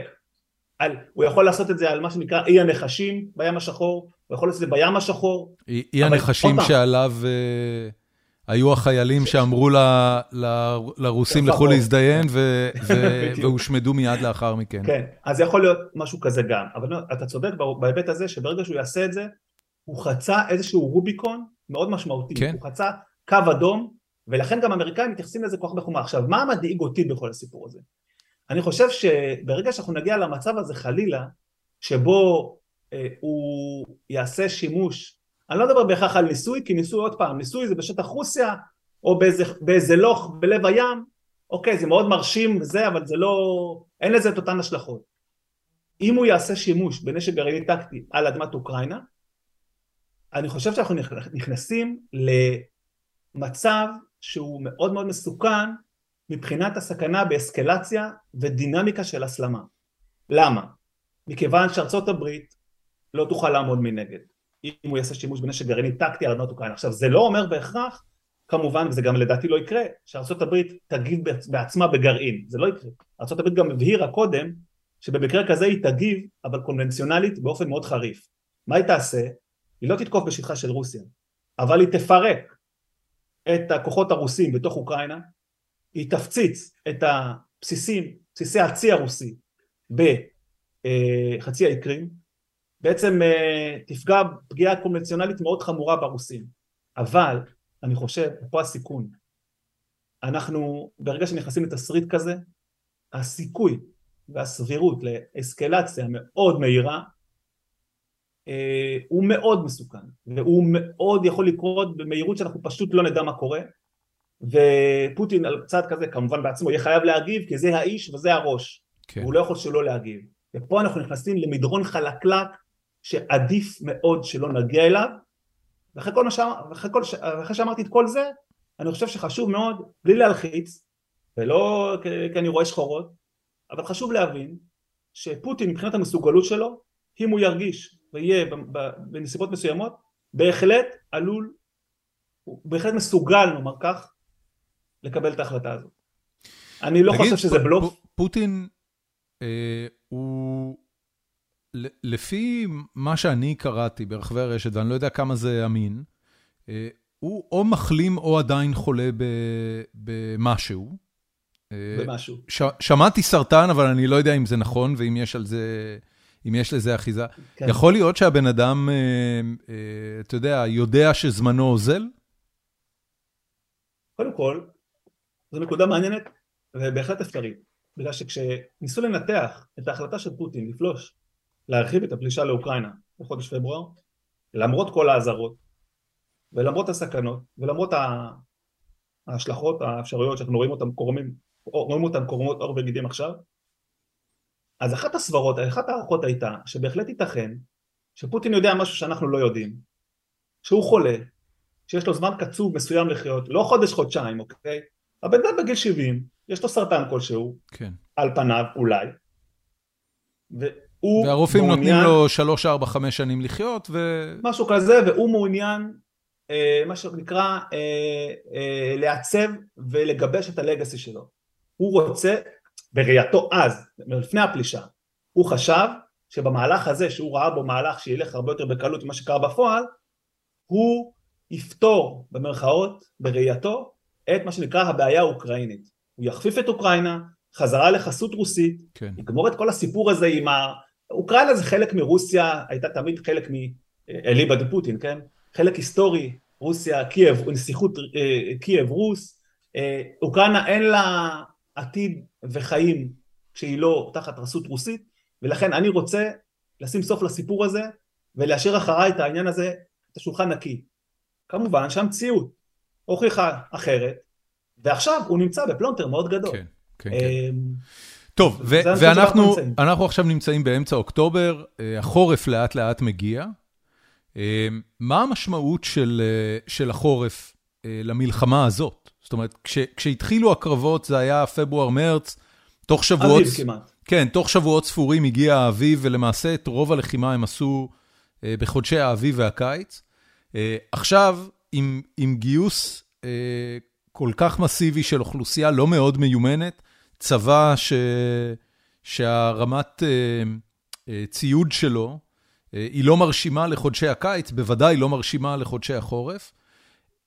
איך נראה העימות הזה ככל שאנחנו מתקדמים לתוך חודשי החורף הקרים של אוקראינה, גבול רוסיה? כן, אני חושב שקודם כל זה, אפשר לומר, להעריך שהחורף בהחלט ישפיע. זאת אומרת, אנחנו נראה, אמורים לראות פחות תנועות משמעותיות, פחות התקדמות אה, משמעותית. אה, הלחימה קצת תשנה את פניה מהבחינה הזאת. אה, אני חושב שרוסיה תנצל, תנסה לנצל את הזמן אה, להצטייד מחדש, לגבש את הכוחות מילואים האלה, לבנות אותם, לאמן אותם כמו שצריך. האוקראינים מצד שני, אני מניח, לא ירצו לאפשר את זה. ולכן אנחנו נראה יותר ויותר פעולות אוקראיניות שנועדו לפגוע בזה. ואת זה אפשר גם בחורף לעשות באמצעות עוד ועוד ארטילריה חכמה, האוקראינים לא מפסיקים לקבל מערכות חדשות ומתוחכמות, והם ימשיכו לפגוע בקווי אספקה של הרוסים, והם ימשיכו להתיש אותם, ויכול להיות שהאוקראינים ינסו להכין איזושהי הפתעה, ממש אולי בשבועות הקרובים, אולי לתוך החורף, ולצאת במתקפת נגד משמעותית באחד האזורים האלה. עכשיו, זה גם מתחבר, אני חושב, למה שדיברנו קודם. איפה עוברת הנקודה שבה פוטין יגיד, אני נמצא במצוקה כל כך גדולה שאני חייב לעשות את הניסוי הגרעיני הזה, או לאיים שאם לא יקבלו את התנאים שלי, אני הולך להשתמש בנשק גרעיני טקטי באוקראינה. הוא גם ידאג לעשות את זה באופן שכולם יבינו שהוא הולך לעשות את זה, כדי ליצור את האפקט והאלמנט של פחד. אנחנו לא נמצאים שם כרגע עכשיו, עדיין, אבל אם צבא אוקראינה יצליח בשבועות הקרובים או בחודשים הקרובים לכבוש שטחים בהיקף משמעותי שכרגע מסופחים לרוסיה, למשל במחוז חרסון, ובמקביל להתקרב צבאית, פיזית, גיאוגרפית משמעותית לחצי האי קרים, הסיכוי לתסריט שהוא תסריט כמו שציינו עם אה, שימוש אפשרי ביכולת גרעינית, אני חושב שאפשר לומר שהוא יעלה באופן דרמטי. וזה מה שצריך לעקוב אחריו בשבועות הקרובים. תגיד, עם, עם, עם כל מה שאנחנו יודעים, ואני מניח שהעם הרוסי הוא לא דביל גמור, הם, הם יודעים מה היה, מה היה בצ'רנוביל, הם יודעים מה זה נשק גרעיני. האם יש כן. סיכוי שההחלטה של פוטין אה, להפעיל נשק גרעיני טקטי, לעשות ניסוי כזה בשטחם, או אפילו איזו תקיפה מינורית אה, אה, בטריטוריה אוקראינית, כבושה או לא, או לא כבושה, האם יכול להיות שהדבר הזה יעורר את, אה, את הגנרלים של פוטין למרוד בו ו, ולזרוק אותו קיבינימט מתוך הבנה שהוא מתקרב לשואה גרעינית? למרבה הצער, אני, אני נאלץ לקבוע שהסיכוי שהדבר כזה יקרה הוא מאוד נמוך. בגלל שכל המערכת, כל המערכת, כל, כל המערכת נקרא לזה מערכת קבלת ההחלטות בממסד הרוסי, מהטופ, דרך מפקדי הצבא הבכירים, ואלה שאמורים אה, ליישם את ההוראות הללו שעוסקות גם בתחום הגרעיני, זה אה, כולם אנשים שהם יצירי, יצירי כפיה של המערכת. וברגע שאתם נורא הם יעשו את מה שמורים להם. הסיכוי שמישהו בשרשרת הזאת יעצור ולא יעשה, לא, לא ימלא את ההוראה, כמובן שיש סיכוי כזה. להגיד לך שזה סיכוי גדול? לא. לא. אוקיי. Okay. זאת אומרת, כל הסביבה הקרובה של פוטין מורכבת מאנשים מאוד דומים לו מבחינה אידיאולוגית. וזאת אחת הבעיות. זה, זה אומר שאם אה, פוטין אה, בצורה כזו או אחרת יסתלק ממשרדו, מי שייכנס במקומו יהיה גרוע כמותו או אף יותר גרוע? זאת אחת השאלות, ואני אמרתי לא פעם בחודשים האחרונים, שיש איזושהי, אה, בקרב הרבה אנשים, וגם במערב, גורמים במערב, יש איזושהי סברה ארטילאית כזאת, שאם פוטין מחר נעלם, אה, אה, וגם תלוי גם באיזה נסיבות הוא נעלם, אבל לצורך העניין אם פוטין נעלם מחר, נגמרו כל הבעיות, שלום יפרוץ, הרוסים והאוקראינים ישובו להיות אומות החיות, והכל ילבלב, זה ממש לא ככה. זאת אומרת, כל מי שירש את פוטין, בטח ובטח אם זה מישהו מהמעגל הקרוב שלו שמחזיק באידיאולוגיה דומה לשלו, יצטרך לבסס את מנהיגותו וסמכותו בתוך רוסיה, וגם בזירה הבינלאומית. אבל בגלל ההיסטוריה הרוסית, האופי הרוסי, האופי שבו רוסיה רואה את עצמה והאליטה הרוסית רואה את עצמה, הסיכוי שיורשו של פוטין יבחר לבסס את מנהיגותו וסמכותו באמצעות ויתורים ונסיגות הוא שואף לאפס, שואף לאפס. אני לא אומר שלא יכול להיות איזשהו מישהו שיעלה וייצור, אה, אתה יודע, ינסה לקדם איזשהו מהלך של, אה, של הפסקה או של, או של רגיעה אבל זה לא בהכרח אומר ויתורים, וזה לא בהכרח אומר שאוקראינה תקבל את כל השטחים שכבשו ממנה. כן. אמ, הסיכוי שיעלה איזה דמוקרט גדול ברוסיה, אה, נכון להיום הוא מאוד קטן. תגיד, מה, מה קרה בחצי שנה האחרונה לאופוזיציה ברוסיה? אין אופוזיציה ברוסיה. זאת אומרת, דיברנו על זה גם פעם קודמת, והתהליך הזה רק התעצם בחודשים האחרונים. הרוב הגדול המוחלט של מנהיגי האופוזיציה הבולטים הוא או כלוא או ברח מרוסיה. אה, באווירה שיש היום ברוסיה מאוד קשה להתבטא בחופשיות בכלל על המלחמה. יש אה, מעצרים, יש, אה, יש מסע דיכוי מאוד מתמשך מהבחינה הזאת, ובאווירה הזאת של המלחמה זה בכלל, כל המערכת כולה מגויסת, ו... אין היום למעשה אופוזיציה אמיתית כבר אה, ברוסיה. זה תהליך שהתחיל כבר לפני שנתיים שלוש, ומאז רק הלך והחמיר. הוא רק הלך והחמיר והיא מרוסקת היום. רוסיה רוסיה עדיין מחוברת למערב בכל מה שקשור לאינטרנט? האם הרוסים יכולים לקרוא טוויטר? יכולים, אם כי בחודשים האחרונים כחלק מהמסע הזה הרבה מאוד רשתות חברתיות נחסמו, הם כמובן לא טמבלים, משתמשים ב-VPN ועוקפים, ו... אז מי שבאמת רוצה יכול, אבל חלק לא קטן מהרשתות החברתיות מאוד מוגבל מבחינת הפעילות שלו. אם זה אינסטגרם שלדעתי נותק בכלל, אם זה גם טוויטר שיש עליו מלא מלא מגבלות והוא לא בכל המקומות עובד, זאת אומרת זה חלק מה... זה חלק, אני חושב שזה חלק מהרצון הרוסי הזה אתה יודע, להיסגר כמו קונכייה, שהציבור אה, אה, יקבל כמה שפחות מידע ממקורות אחרים, אבל זה מאוד מאוד קשה בעולם של היום. כן. אה, הרוסים מנסים להיות סין, אבל לא כל כך מצליחים מהבחינה הזאת. כן. בסין היא הרבה יותר, אה, העניין הזה הרבה יותר אה, אה, הדוק, אה, חושב החסימה הזאת. אצל הרוסים זה קצת פחות מוצלח, אבל עדיין זאת אומרת, אבל עדיין מאוד, הניסיון הוא מאוד מאוד משמעותי, מאוד חזק. טוב, תקשיב, אנחנו נעבור לשאלות של גולשים ומאזינים שלנו מהבית. כמו שאתה יודע, יש לנו את פורום החיים עצמם של גיקונומי, ובו אני מזמין אנשים לשאול שאלות לקראת הפרק. השאלה הראשונה, דווקא עליך, שלום ווליך שואל, מהם מקורות המידע שעליהם אתה מסתמך? ואני רק אשאל, מכיוון שכבר דיברנו על זה גם בשנה שעברה, סליחה, בפרק הקודם, האם משהו השתנה במפת המקורות שמהם אתה, אתה ניזון כשאתה מסקר את הסכסוך הזה? קודם כל היא מאוד מגוונת, ומאוד מאוד חשוב לי לא להסתמך על מקורות בודדים מסוימים ספציפיים ורק עליהם. קודם כל אני כמובן מכיר מכיר לא מעט אה, אנשים אה, ברוסיה עצמה. אתה מדבר ישירות עם אנשים ש, במקום. שזה גם, כן, שזה גם עוזר לי. הם חוששים אה, לדבר? תלוי מי, תלוי מי, ו, אבל, אבל חלק בהחלט חוששים. האויב היום... מאזין, זאת אומרת מבחינתם... כן, כן, זה קשה, זה קשה. למרות שאנחנו רואים היום שיש ערוצי טלגרם ויש, זאת אומרת, דברים קורים, אתה יודע.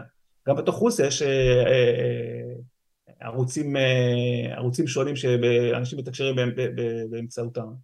אבל אה, או שזה אנשים, או שזה מקורות אה, שאני רואה בהם מקורות מאוד מאוד אה, מהימנים ברחבי הרשת.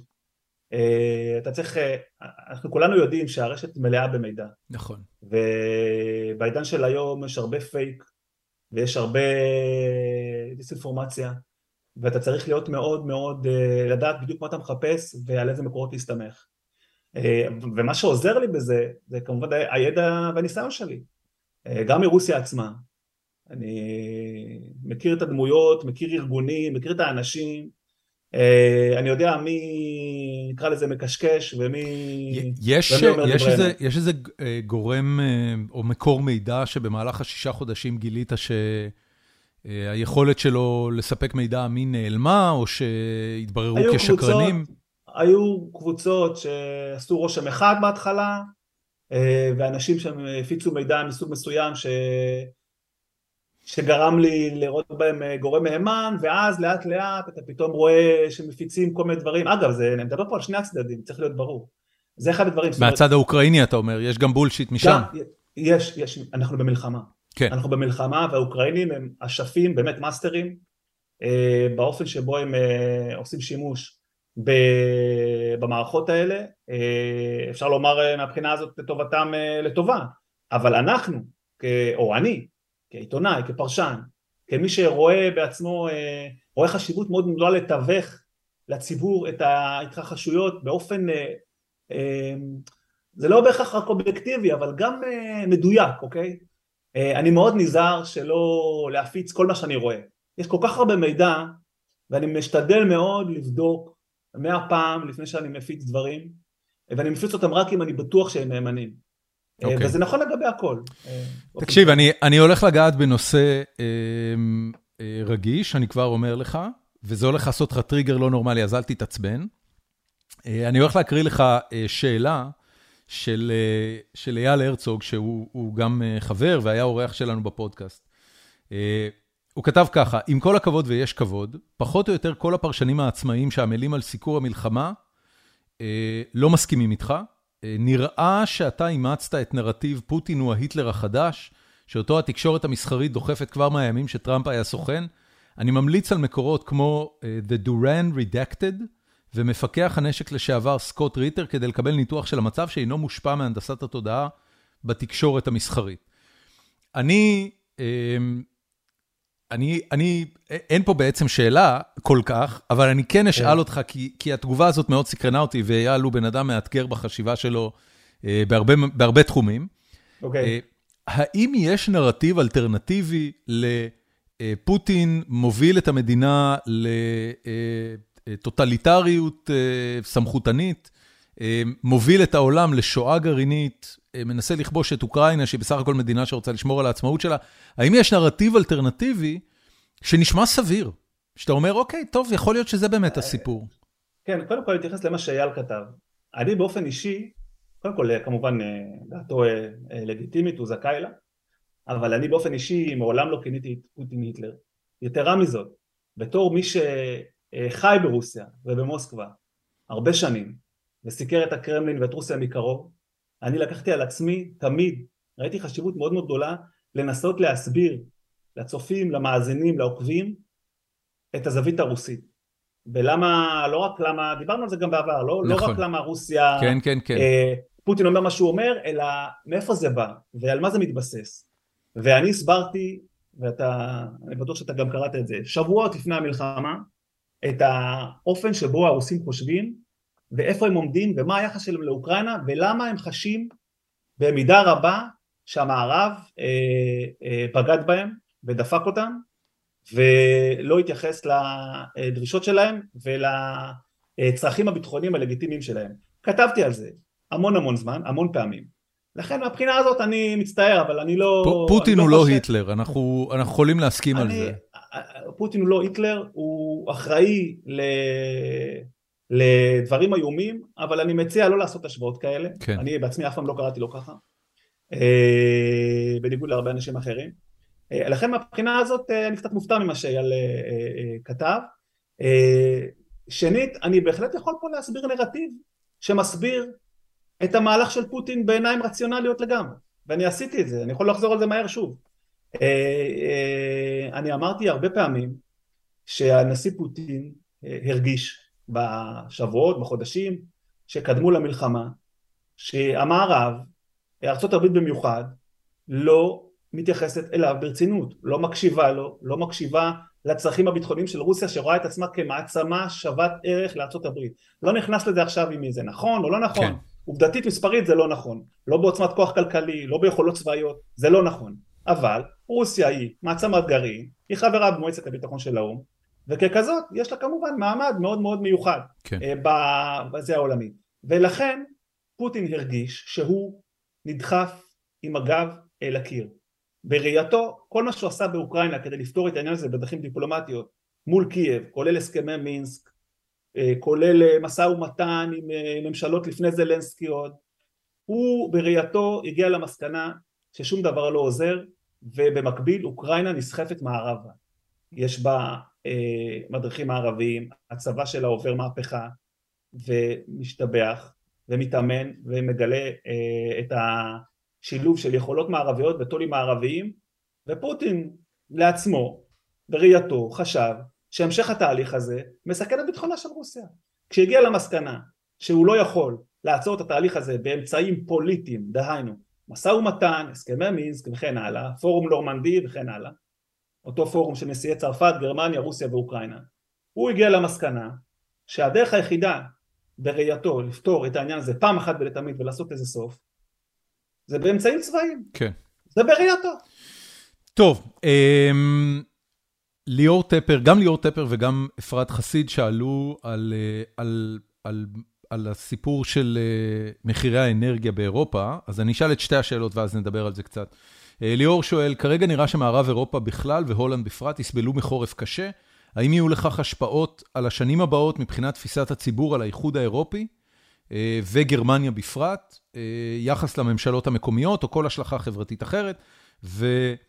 אפרת מוסיפה את השאלה, האם בהולנד או באירופה בכלל מנסים לדבר על חיסכון באנרגיה, אם יש קמפיין כזה, נניח לחמם את הבתים פחות, פשוט לעבור את כן. החורף יותר בקלות וכולי. כן, אז, אז קודם כל הדבר הזה כבר משפיע, כל מה שקורה באירופה.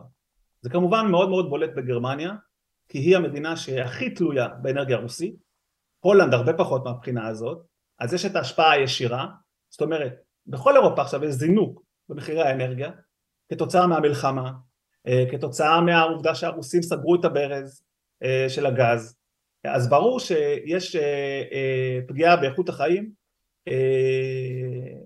זינוק דרמטי ביוקר המחיה, אבל יש מדינות כמו גרמניה כמו שאמרתי, שבהן זה בא לידי ביטוי בכל מיני היבטים הרבה יותר קשים. זאת אומרת הכלכלה הגרמנית, התעשייה הגרמנית, מאוד מאוד תלויה בגז רוסי, ולכן הפגיעה היא לא רק אה, בזה שבגרמניה יש כרגע הקצוות של, אה, של, אה, של גז והפסקות חשמל יזומות ודברים כאלה וכמובן משקי בית שעלולים להיפגע אלא גם פגיעה כלכלית ומיתון שבסופו של דבר עלולים בתסריט כזה או אחר להביא לצונאמי פוליטי של עליית כוחות קיצוניים. בגדול זה מה שפוטין היה רוצה. בגדול הוא מהרגע הראשון לא האמין שאירופה יכולה להיות גוש אחד מאוחד ושהוא האמין שפגיעה באספקת האנרגיה אה, בעצם תגרום לזה שכל השדים האלה יתעוררו מרבצם בתוך אירופה ויעלו לשלטון אה, גורמים אנטי ממסדיים רדיקליים. זה לא חייב להיות ימין קיצוני זה יכול להיות גם שמאל קיצוני. עבור הרוסים הכל הולך. העיקר שזה כוחות שמערערים את המצב הקיים ושואפים אה, לשנות אותו מהיסוד. אה, על זה הרוסים בונים. אה, ואני חושב שחלק מהאתגר האירופי, האיחוד האירופי זה מקום גדול ולא לכל המדינות באותו מצב, האתגר של אירופה הוא אה, לנסות ולהתמודד מול העניין הזה ולהראות אחידות ואנחנו צריכים לראות ולהיווכח עד כמה האירופים בעצם מהבחינה הזאת מגובשים. Okay. אוקיי. מוכנים אתה, לעבור את זה ככה. אתה חושב אגב שמה שקרה, התוצאה של הבחירות באיטליה, אה, קשורה באיזושהי צורה למה שקורה בין רוסיה ואוקראינה? כן ולא, אני חושב שאיטליה באופן כללי גם יש לה פוליטיקה מאוד מאוד בעייתית ולא יציבה, כל כך הרבה ממשלות בכל כך מעט שנים, הפוליטיקה באיטליה היא פוליטיקה מאוד בעייתית, אה, אבל אני כן אה, מסכים שהעלייה של של אה, מלוני, של מי שהולך להיות ראש ממשלה ממפלגה שיש לה שורשים כן. בעצם פשיסטיים, המפלגה של מוסוליני. אני חושב שהעובדה שיש זינוק ביוקר המחיה ובמחירים, מחירי אנרגיה, בהחלט צריך פה תפקיד, אבל זאת לא הסיבה היחידה, זה קצת יותר מורכב מזה. אוקיי. ואגב, צריך לומר שהיא עצמה לא תומכת בפלישה לאוקראינה ותומכת באוקראינה. זאת אומרת, זה לא בהכרח שכל מנהיגי הימין הם באופן אה, קטגורי אה, תומכים ברוסיה, ממש ממש לא. כן. אה, ג'ימי ג'אז, שזה נראה לי פרופיל פיקטיבי, אבל בכל זאת, כותב... אתה יודע מה קורה? לא שואל שום דבר. לא, יש... הוא כותב עליך קודם כל מהכתבים היותר טובים ואמינים בנושא, כיף שהוא מתארח שוב. ולשאלות. אחד, מה קורה עם בלרוס, ובאופן יותר ספציפי, האם לוקשנקו ייכנס למלחמה, ואם כן, איזה השפעה תהיה על המחאה שם, ומה קורה בבלרוס באופן כללי? טוב, שאלה טובה, והיא גם רלוונטית, בגלל שאנחנו רואים שבימים האחרונים באמת יש עוד פעם האסל באסל, זה מה שקורה בבלארוס, הרוסים והבלארוסים אה, אה, אה, הקימו, הודיעו על הקמת כוח משותף רוסי בלארוסי צבאי שיכלול כמה עשרות אלפי חיילים אנחנו שומעים, ב... אנחנו רואים שהרוסים מרכזים עוד פעם בבלארוס מצפון לאוקראינה כוחות גדולים של צבא אנחנו רואים שיירות צבאיות שעושות את דרכם לבלארוס שוב עם ציוד צבאי, אה, טנקים, אה, נגמשים. עכשיו, חשוב להבין שדה פקטו היום בלרוס היא מדינת חסות של רוסיה. בבלרוס אין יותר מחאה. המחאה פורקה לחתיכות, רוסקה. היא הייתה, אה, היא החלה באוגוסט 2020, אחרי הבחירות הנשיאותיות, בחירות במרכאות כפולות ומכופלות, כן. שבה, שבהן הנשיא לוקשנקו, שהוא כבר נשיא מ-1994 ונקרא בעבר הדיקטטור האחרון של אירופה, אה, הפסיד, אבל כמובן שלא קיבל את התוצאה, התגובה בעצם הציבורית הייתה יציאה היסטורית דרמטית של אה, מיליוני בלרוסים לרחובות, מחאות מאוד מאוד נרחבות, המחאות האלה בסופו של דבר אחרי חודשים ארוכים אה, רוסקו בסיועה הצמוד של רוסיה, כולל כוחות, כולל, כולל מיליון ואחת דרכים, כולל דרכים פיננסיות, כולל שימוש בכוחות ביטחון רוסים, והתמורה, בתמורה על ייצוב השלטון שלו על ידי הרוסים, ובעצם הצלתו, בעצם לוקשנקו הפך את עצמו ואת את, את, את ארצו למדינת חסות רוסית, היא הציבה שם את הכוחות הצבאיים שבעצם פלשו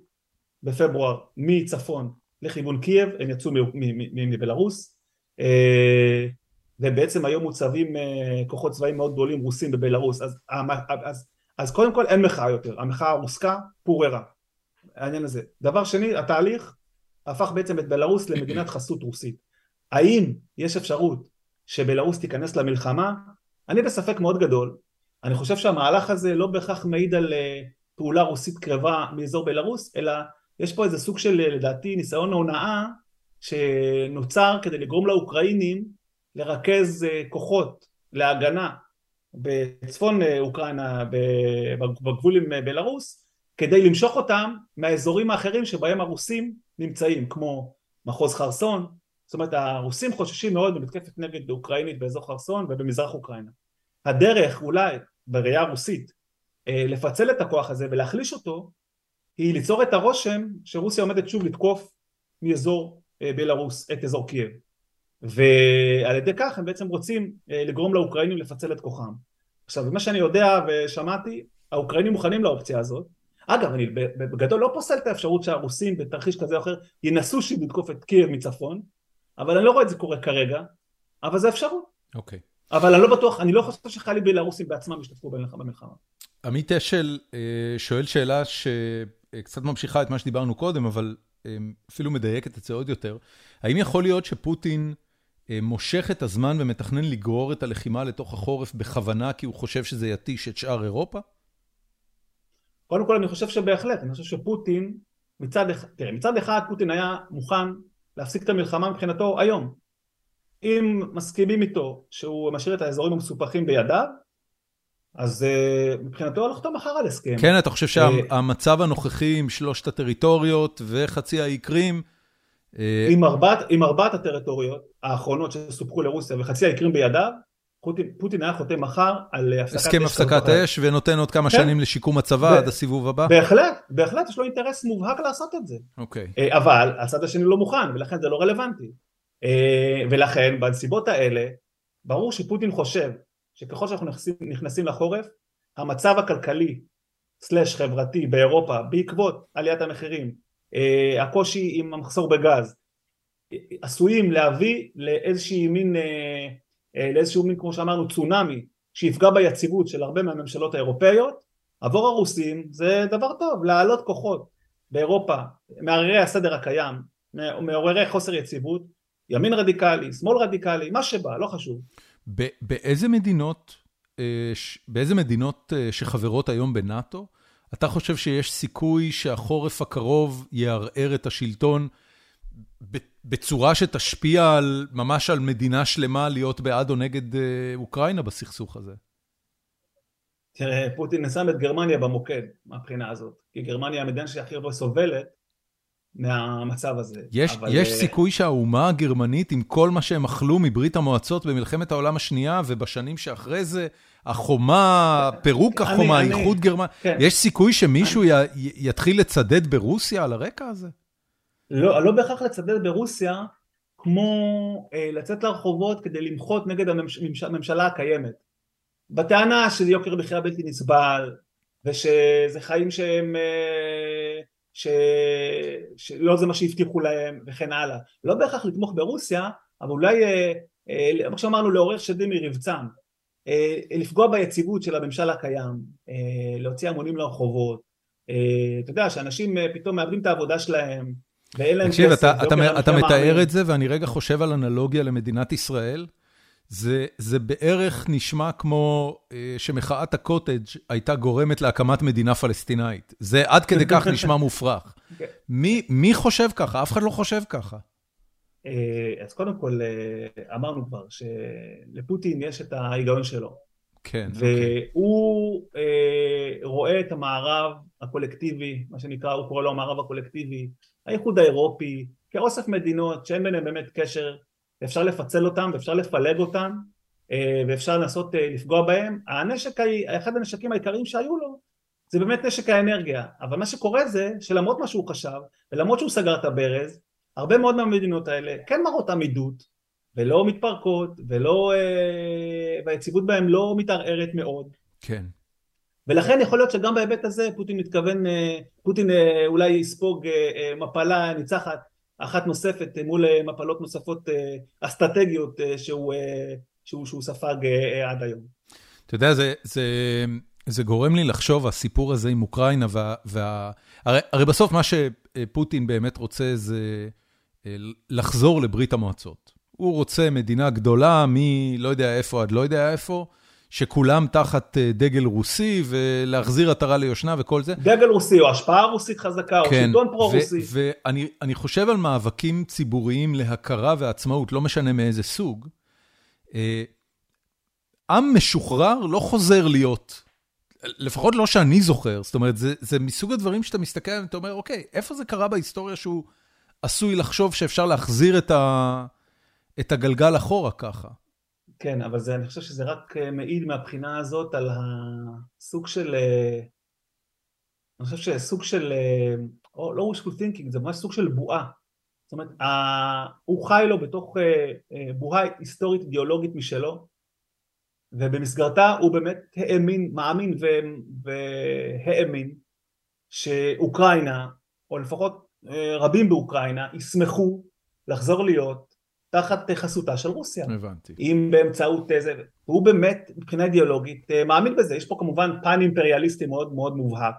אנחנו במאה ה-21, מדינות כן. במאה ה-21 לא אמורות לפלוש למדינה אחרת ולספח אותן בכוח, אבל עובדה שהוא ימין, ועובדה שהוא גם לא חוזר בו. כן. הוא באמת ובאמת כנראה מאמין בזה, וזאת גם אחת הבעיות, כי האמונה היוקדת הזאת בעצם גרמה לזה שהפער בין הבועה שהוא חי בה לבין המציאות הוא פשוט אדיר. והפער האדיר הזה בעצם מביא אותנו לנקודה שבה אנחנו נמצאים אחרת. הפער בין מה שהוא האמין שיקרה וצריך לקרות לבין מה שקרה בפועל הוא ממש ממש עצום. אני, אני רוצה לגעת אה, עוד בנקודה אחת שקשורה לה, להנהגה של פוטין. אה, ראיתי בחודשיים האחרונים לא מעט חילופים שם. אה, זה נראה שסביב המהלך... בעיקר בצבא. כן, זה נראה שסביב המהלך של גיוס החובה, החליפו גם כמה גנרלים, רעננו את הצמרת. אה, מה, מה גרם לזה, והאם זה לא, אה, אתה יודע, האם זה לא גורם לאנשים שהיו בעבר מאוד בכירים ומקורבים, אה, להתחיל לתכנן את אה, מרד הגנרלים אה, הפרטי שלהם. כן, אז קודם כל צריך להבין שעיקר השינויים נעשו בצמרת הצבא, לא בממסד מי, מי הוחלף שם? הוחלפו המון גנרלים אה, כמו גרביים, גנרלים שפיקדו על החזית באוקראינה, גנרלים שפיקדו על, אה, על פיקודים בתוך רוסיה שבעצם היו אחראים על, אה, על, המלחמה בתוך אוקראינה, אה, רק לאחרונה מונה מפקד חדש לזירת ה... לזירה האוקראינית. אה, בעצם אה, מפקד שהיה קודם מפקד הכוחות, הוא מפקד חיל האוויר היה, גם מפקד הכוחות הצבאיים הרוסיים בסוריה, סירוביקין, נודע לו שם של, של מפקד מאוד אכזר, בסוריה הוא לא ממש חס על בתי חולים ובתי ספר ו... ו... פתח שם בקמפיין הפצצות מאוד מאוד מסיבי על אוכלוסייה אזרחית אה, וכל הדבר הזה, כל השינויים האלה, וזה לא רק הוא כמובן, אני מדבר על עשרות גנרלים שהתחלפו בתוך כמה חודשים בזה אחר זה, ברמות שונות באזורים שונים, אה, והסיבה המרכזית היא א', מה שפוטין רואה ככישלון מהדהד. אה, הצבא האוקראיני, סליחה, הצבא הרוסי באמת נכשל כישלון מהדהד, היו לזה סיבות טובות אגב, שהן לא כולן בהכרח צבאיות, אלא שביקשו להפעיל את הצבא הרוסי באופן שלא טעם את ה... שלא טעם, את, בתול שלא טעם את, את, את, את האזור ואת המציאות. אה, אבל אה, מעבר לזה, פוטין היה צריך להראות, אה, קודם כל להטיל את האשמה על מישהו. זאת אומרת, זה בעצם באופן עקרוני לנקות את האשמה מעצמו. ואין כמו גנרלים כדי להפיל עליהם את האחריות. א', לספק את ה... נקרא לזה, את היצר אה, של אה, למצוא שעיר לעזאזל, או אפילו, אפילו ב, ב, ב, בשביל עיני הציבור, להראות שהנה אני, דברים קורים, יש כישלונות אבל אנחנו עושים את מה שצריך, מפיקים את הלקחים, מחליפים את המפקדים הקלוקלים האלה באחרים. בתכלס, בתכלס, אין איזה הבדל דרמטי בין, אה, אני קורא לזה משחק הכיסאות, משום שלחילופים האלה יש השפעה אה, די שולית על מה שמתרחש בשדה הקרב, וזאת מכיוון שהבעיות של הצבא הרוסי הן כל כך גדולות והן כל כך יסודיות ונקרא לזה שורשיות שהאפשרות של מפקד אישי ספציפי כזה או אחר או שניים או שלושה הם אלה שהביאו את הישועה ויפתרו את המצב כי במטה קסם זה לא, זה לא מעשי וזה לא רלוונטי וזה לא יכול להיות הבעיות של הצבא הן כנראה כל כך נקרא לזה עמוקות ושורשיות. אתה יודע, זה, זה, זה מעניין מה שאתה אומר, כש, כשמלמדים את, את מלחמת העולם השנייה וגם את מערכות ישראל, כמעט בכל סיפור של מלחמה יש גנרל, אחד או יותר משני הצדדים, ש, שפרצו קדימה, ש, ש, שממש הבריקו, הצטיינו. שרון בצליחת התעלה, אני לא מדבר על מלחמת העולם השנייה, שגם בצד הרוסי, גם בצד הגרמני, גם בצד כן, של בעלות הברית, היו גנרלים שעד היום לומדים את הטולים שלהם, באמת, אנשים מאוד מרשימים. מהמלחמה הזאת בינתיים, חוץ מזלנסקי ופוטין, אין, אין פרסונות שמדברים עליהם. זה, זה, זה, זה מאפיין. יש, יש דמות אחת מאוד מאוד חשובה, אוקיי. שכן מדברים עליה ויש לה השפעה מאוד גדולה על מה שקורה, וזה הרמטכ"ל האוקראיני. אוקיי, מה שמו? זה, זה, זה, אה, שמו, אה, שמו ברח לי לרגע, אבל הוא, הוא אישיות. אוקיי. והוא דמות, והוא דמות מכיוון שקודם כל הוא אה, בן 49, והוא אה, נולד למציאות, הוא כבר לא שרת בצבא הסובייטי. ומה שהוא עושה בפועל, האופן שבו הוא מנהל את הצבא האוקראיני, אה, הוא אה, גורר לא מעט שבחים על היכולת למידה שלו. זה, אנחנו שילוב... מדברים על אה, סר, סרחי שפטלה? לא, לא, לא, זה לא הרמטכ"ל האוקראיני. רגע, אוקיי. אני אגיד לך איך קוראים לו. היכולת שלו לשלב טול, נקרא לזה טול סובייטי וטול ולרי זלוכניל. כן. כן, זה זלוז'ניל. כן, זה הרמטכ"ל האוקראיני, okay. אוקיי. והוא, אה, והוא, אה, הוא אישיות, ו... ולא סתם הוא נבחר אה, על ידי המגזין טיים, אחת ממאה הדמויות המשפיעות של השנה, אז הוא למשל דמות מעניינת. בצבא הרוסי, להבדיל אלף אלפי הבדלות, אין אחד כזה היום. כן. מכיוון שהצבא הרוסי הוא תוצר של המערכת שממנה הוא נוצר והמערכת הזאת בתנאים האלה בנסיבות האלה מאוד מקשה אה, מאוד מקשה על הצלחה מאוד קשה להצליח ככה. כן. זה, זה טוב, שאלה אחרונה שגם הגיעה בקבוצה מאור יוחנן. אתה יודע, אמרת קודם, יהיה גרוע לפני שיהיה טוב יותר, ואני אשאל בדיוק את מה ששאלתי אותך לפני חצי שנה, איך לדעתך זה הולך להיגמר? למרבה הצער אנחנו כרגע עדיין, או אפילו יותר אה, מחודש מרץ, אנחנו כרגע במצב שבו זה יותר משחק של סכום אפס כמעט. זאת אומרת, הצדדים יותר מדי מושקעים. מה שאני מתכוון זה שאני, כל עוד, נסייג את זה, כל עוד פוטין נשיא רוסיה, קשה לי מאוד לראות אה, סיום למערכה הזאת בצורה דיפלומטית. וזה למה? זה מכיוון שאני לא רואה את פוטין במסגרת אף הסכם נסוג לקווי ה-23 בפברואר. זה מכיוון שהמומנטום הצבאי האוקראיני מכתיב לאוקראינים את המשך הלחימה. כל עוד האוקראינים מאמינים, ובצדק מבחינתם אחרי החודשים האחרונים, שהם מסוגלים לשחרר את השטחים הכבושים בידי רוסיה, כולל אולי חצי האי קרים, בשלב מסוים רחוק יותר כזה או אחר, אין להם כרגע שום אינטרס לשבת לשיחות. אבל אני מסייג את זה כי אנחנו קרובים, אה, מתקרבים לחורף, צריך לראות איך החורף ישפיע גם על הכוחות בשטח אבל גם על מה שמתרחש באירופה, תכף יש בחירות אמצע בארצות הברית, יעלה פתאום סנאט וקונגרס אמריקאי עם רפובליקנים, לא יודע איך זה ישפיע למרות שהרפובליקנים הם בגדול, אה, כן. רפובליקנים שהם לא טראמפ הם אה, די תומכים באוקראינה. כן. כן, זאת כן. אומרת, יש כל מיני נעלמים במשוואה שאנחנו צריכים להמתין לראות איך הם ישחקו תפקיד, אבל בגדול אני לא רואה את זה מסתיים בקרוב באופן דיפלומטי, אני חושב שיש יותר סיכוי להסלמה דרמטית בחודשים הקרובים אה, ואולי לאחריה הסוג של סיום מאשר סיום קרוב באופן דיפלומטי. תגיד, אתה ברמה האישית, בתור מישהו שחי בהולנד, אתה שוקל לשנות את מקום מגוריך בשנים הקרובות? הדבר הזה גורם לך לחשוב עליך ועל המשפחה שלך במקום הזה אחרת? אני עברתי לפה מרוסיה. הבנתי. אז אני לא... כן, אז הנה, קיבלת את התשובה. כן, אוקיי. אנחנו כרגע, כמובן שאנחנו מרגישים את ההשפעות של כל מה שקורה, מרגישים את אה, יוקר המחיה, רואים איך הכל אה, עולה, אה, אבל לא ברמה כזאת שאני... זאת עדיין מדינה עם איכות חיים מדהימה, ועם הרבה מאוד דברים טובים. אנחנו מאוד נהנים פה ואוהבים את המדינה. אוקיי. כן, אני לא חושב שמבחינה הזאת יש איזשהו שינוי.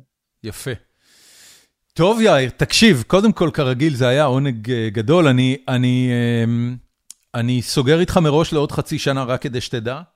אם יהיה עולם. אם, אם יהיה עולם, ויש, יש... אה, בקיצור, כולכם צריכים לקוות שיהיה עוד פודקאסט כזה. יש סדרת משחקי מחשב נהדרת שנקראת Fallout. Uh, שמספרת okay. אוקיי. על העולם אחרי שואה גרעינית. Okay. אה, אוקיי. וכמעט כל אחד מהמשחקים בסדרה מתחיל באיזשהו צילום uh, עתיק כזה, כשברדיו שומעים את השיר We'll meet again, uh, don't know why, don't know when, We'll meet again some sunny day. זה כמובן של הפודקאסט הזה. שיר רדיו משנות ה-40 על רקע פטריה גרעינית.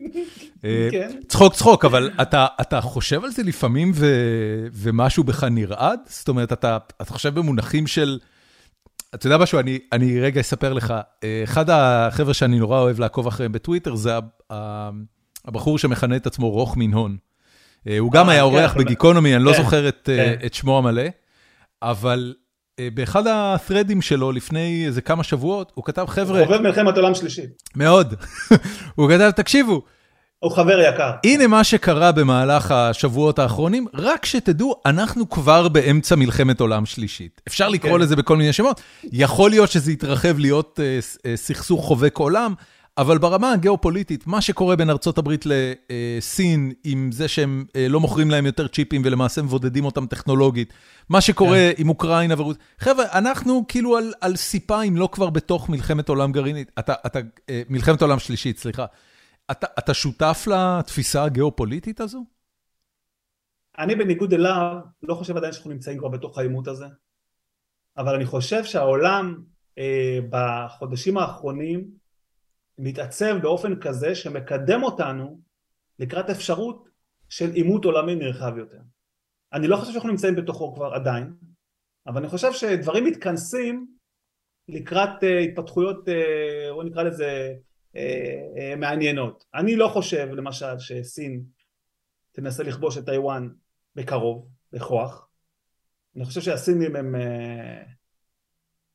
אפשר להגיד עליהם הרבה דברים, סבלנות יש להם, אה, והיו כאלה שאמרו שמיד שרוסיה תפלוש לאוקראינה גם הסינים במכה כדי לעשות את זה ביחד לא קניתי את זה אז, אני לא קונה את זה גם היום, לסינים יש אה, לוח זמנים משלהם, הם מאוד סבלנים אבל אני כן חושב שהמערכת הבינלאומית כרגע נכנסת ל... או נמצאת כבר במסלול שהוא מסלול מאוד בעייתי. כן. וה, והדבר האחרון ש, שרציתי לשאול ולא דיברנו עליו, הזווית הישראלית, יש אה, תחושה שאחרי כמה חודשים טובים של אה, אה, ניסיון לשחק על שני המגרשים ולא לעצבן יותר מדי אף אחד, אה, יש תחושה שישראל לקחה תפנית לכיוון האנטי-רוסי.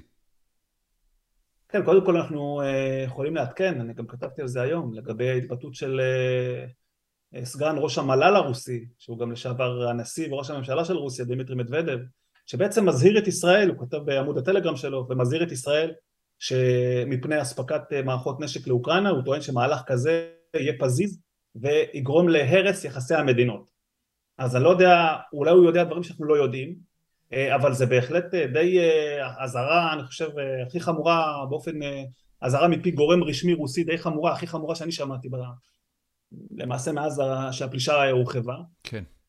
אבל אני חושב שאנחנו צריכים להסתכל על זה במבט יותר רחב. אנחנו רואים את ההתקרבות בין רוסיה לאיראן, ואנחנו רואים את העובדה המדהימה שאיראן, איראן מספקת לרוסיה אה, אה, מל"טים תוקפים, מל"טים מה שנקרא מל"טים מתאבדים באלפים והרוסים עושים בהם שימוש באוקראינה, בזירת אוקראינה, על ערים אוקראיניות, על תשתיות אוקראיניות, אה, ויותר מזה אנחנו שומעים דיווח בוושינגטון פוסט שאיראן בחשאי הסכימה לספק לרוסים גם טילי קרקע קרקע עכשיו זה לא כזה דבר שהוא מובן מאליו, קודם כל התרגלנו במשך אה, שנים ארוכות שהרוסים הם אלה שמספקים מערכות נשק לאיראן ולא נכון. להפך. לא רק לאיראן, לכל, לכל העולם, נכון, ה... לכל מי שהוא לא חלק מהברית האמריקאית. נכון, נכון, אם זה אפריקה, אם זה לכל מי שאתה רק, אה, אתה רוצה להודו, לסין, למדינות שונות שנלחמות אלה באלה, הרוסים מספקים לשניהם כלי נשק, אבל לצורך העניין אני חושב שפה יש תפנית מאוד מאוד דרמטית שעלולה להשפיע על ישראל וצריכה לגרום לישראל לעשות חושבים, וזה העובדה שהאיראנים אה, מרוויחים פה פעמיים, הם גם מרוויחים הון מהמכירה של, של הפיתוחים האלה לרוסים, והם גם מקבלים ממש במתנה אפשרות לבחון את הביצועים של הפיתוחים הביטחוניים שלהם בשדה קרב של מלחמה בהיקף שהם לא חלמו שהם יקבלו כן. ו, וזה אה, נותן להם גם את היכולת אה, ללמוד את ה... אה, ללמוד את ה... להפיק לקחים, להסיק מסקנות, לשפר את היכולות האלה ואלה יכולות שאיראן בעתיד תפנה נגדנו. העניין הזה של מל"טים, אני אתן סתם תסריט. מה קורה במצב של מלחמה עם חיזבאללה, האיראנים בהחלט יכולים לנסות לשגר לישראל במכה 200-300 מל"טים כאלה, כן. על ערי ישראל.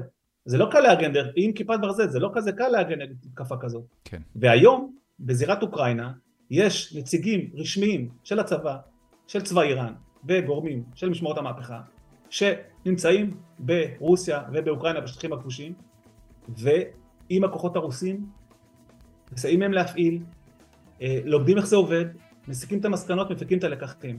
עבור ישראל יש פה, מצד אחד אה, זה יכול להיות אה, התפתחות חיובית בהיבט של אנחנו גם יכולים ללמוד, אבל בשביל זה אנחנו צריכים לשתף פעולה עם האוקראינים. כן. זאת אומרת, וזה כבר פותח את הפתח לאפשרות של תמיכה באוקראינים, אבל אני חושב באופן כללי שזה לא צריך להיות קשור רק למשחק קטן וכך. אני חושב שיש פה גם פן מוסרי בזירה הבינלאומית, ויש פה עובדה שישראל משתייכת או רואה את עצמה כשייכת למחנה המערב, ולעניין הזה יש השלכות. אם כל המערב יוצא נגד רוסיה ומגנה אותה, ועל המעשים שהיא עושה, ועל ההפרה הבוטה, על הפלישה הבוטה הזאת, על פשעי המלחמה, אני לא רואה סיבה שישראל צריכה לשבת על הגדר בהיבטים האלה ולא לומר מילה ולהיות מפוחדת. כן. אני חושב שישראל צריכה לגלות קצת יותר ביצים. יפה.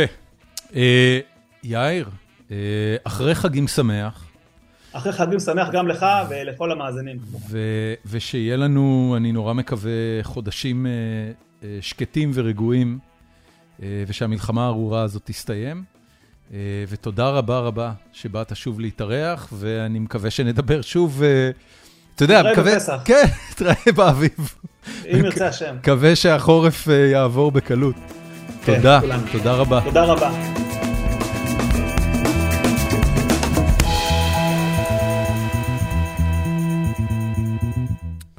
ועד כאן הפרק. אמ, זה היה פרק אה, קצת מקאברי, אני חייב להגיד. אה, יוצא שדיברנו הרבה על אה, שואה גרעינית, עד כדי כך שהיום בארוחת ערב אמרתי לאשתי, תקשיבי, לא בטוח שאת רוצה להאזין לזה, כי למי שזה עושה סיוטים בלילה, כל הסיפור הזה של רוסיה-אוקראינה, זה בטח לא הולך לעזור. את החפירה שלי היום אני רוצה להקדיש למשהו קצת יותר אופטימי, אבל זה מתחיל לא טוב. אתמול בערב, אה, היה שמחת תורה, ועצרנו בבית הכנסת כדי שאני אראה לילדים אה, מה זה הקפות, וזה היה מאכזב להפליא, אז אני לא חושב שהם הבינו את הפואנטה. אה, היו שם מעט אנשים, וההקפות היו מגיל 70 ומעלה בעיקר.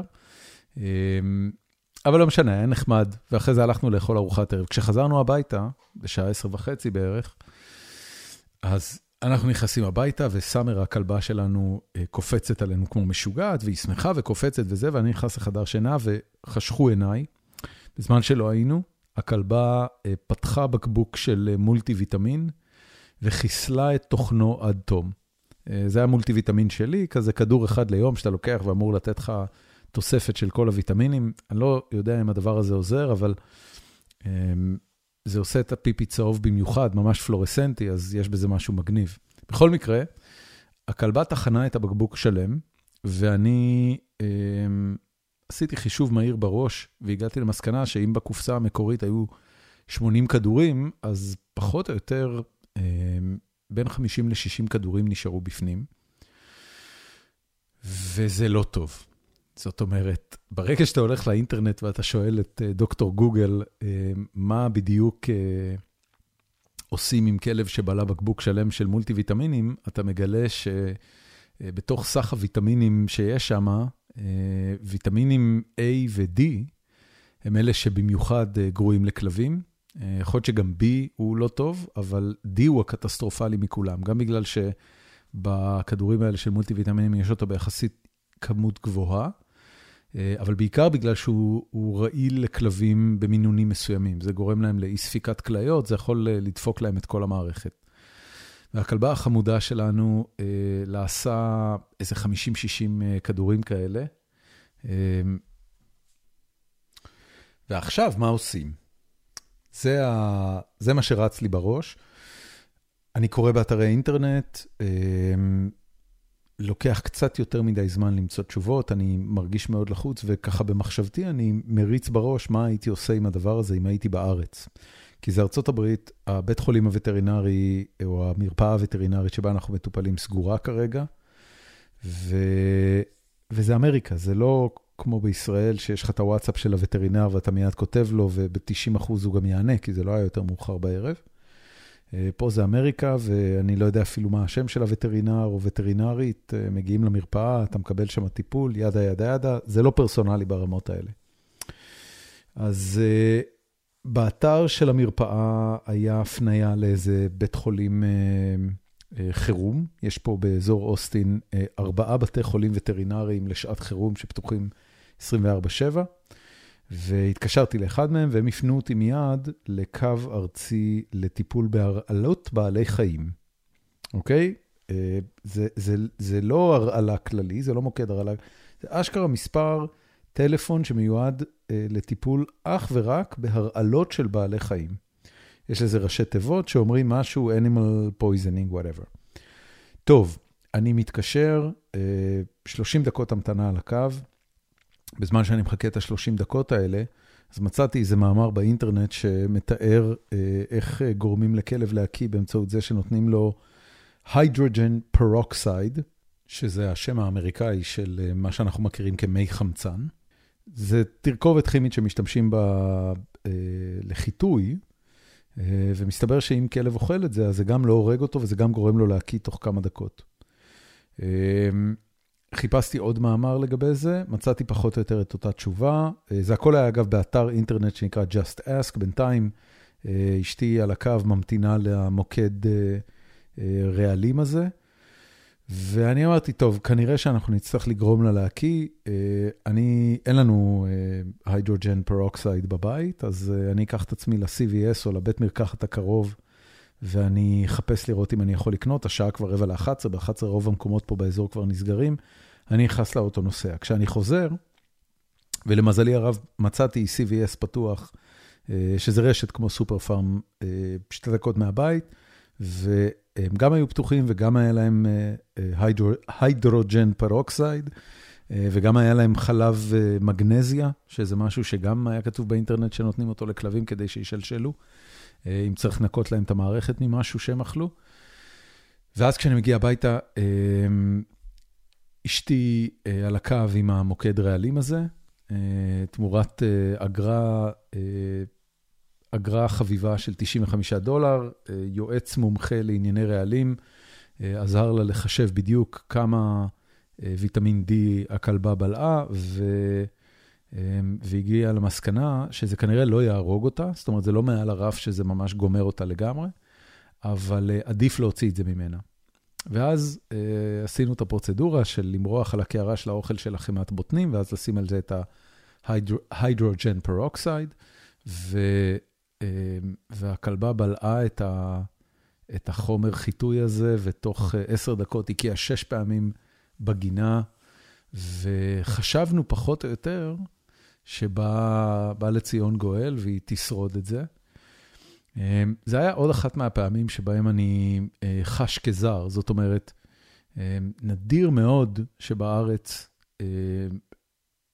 הייתי נתקל בסיטואציה שבה אני לא יודע מה לעשות, אני אבוד לגמרי. כי איכשהו הרשת החברתית שלך בארץ, היא תמיד כוללת משהו. והבן אדם הראשון, אגב, שקפץ לי בראש היה דוקטור רפי קישון, שהוא גם הבן של אפרים קישון, והוא גם וטרינר שיש לו מרפאה ברמת אביב. אז אתה יודע, אם הייתי בארץ, כנראה שזה היה הווטרינר שלנו, וכנראה שאפילו בפייסבוק הייתי מוצא פתרון תוך שתי דקות. אה, פה עוד אין לנו נטוורק, אנחנו מהגרים, הישראלים שיש פה, אין ביניהם וטרינרים, או לפחות לא שאני יודע, ו... ואין לך כל כך למי להתקשר. זה היה מין אחד ממצבי הקיצון המוזרים האלה. אה, מקץ 24 שעות אני יכול לספר בשמחה של הכלבה שלום, היא הקיאה כנראה את כל מה שהיה להקיא, והיא חזרה להיות שמחה ואנרגטית. ו, וסוף טוב, הכל טוב. Uh, כמובן שבתור, מכיוון שהיא כלבה, היא לא יודעת שום דבר על מה שמתחולל כרגע בעולם.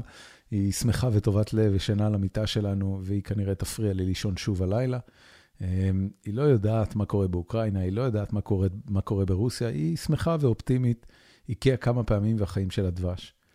מה יש לי להגיד על זה? אין לי הרבה מה להגיד על זה, חוץ מזה שכל אחד יש לו את הצרות שלו. אני ישבתי היום שעה ושעתיים ודיברתי עם אה, יאיר נבות, ובאמת, אה, האנשים שנמצאים באזור הזה של העולם עוברים דברים איומים, ואני מהצד השני, הדאגה הכי גדולה שלי ב-24 אה, שעות הייתה מה עושים עם כלבה שאכלה יותר מדי מולטי ויטמינים. צרות של השירים, First World Problems ממדרגה ראשונה. זהו, אז בזה נסיים את הפרק היום, בזה שאני אה, אה, פריבילגי ויש לי מעט צרות, ושתהיה לכולכם אה, חזרה מאחרי החגים, קלה ונעימה. אני מקווה שהשבוע הקרוב לא יעבור עליכם קשה, וגם אם לא, הסוף שבוע יגיע מהר מאוד. ועד כאן, נתראה בפרק הבא.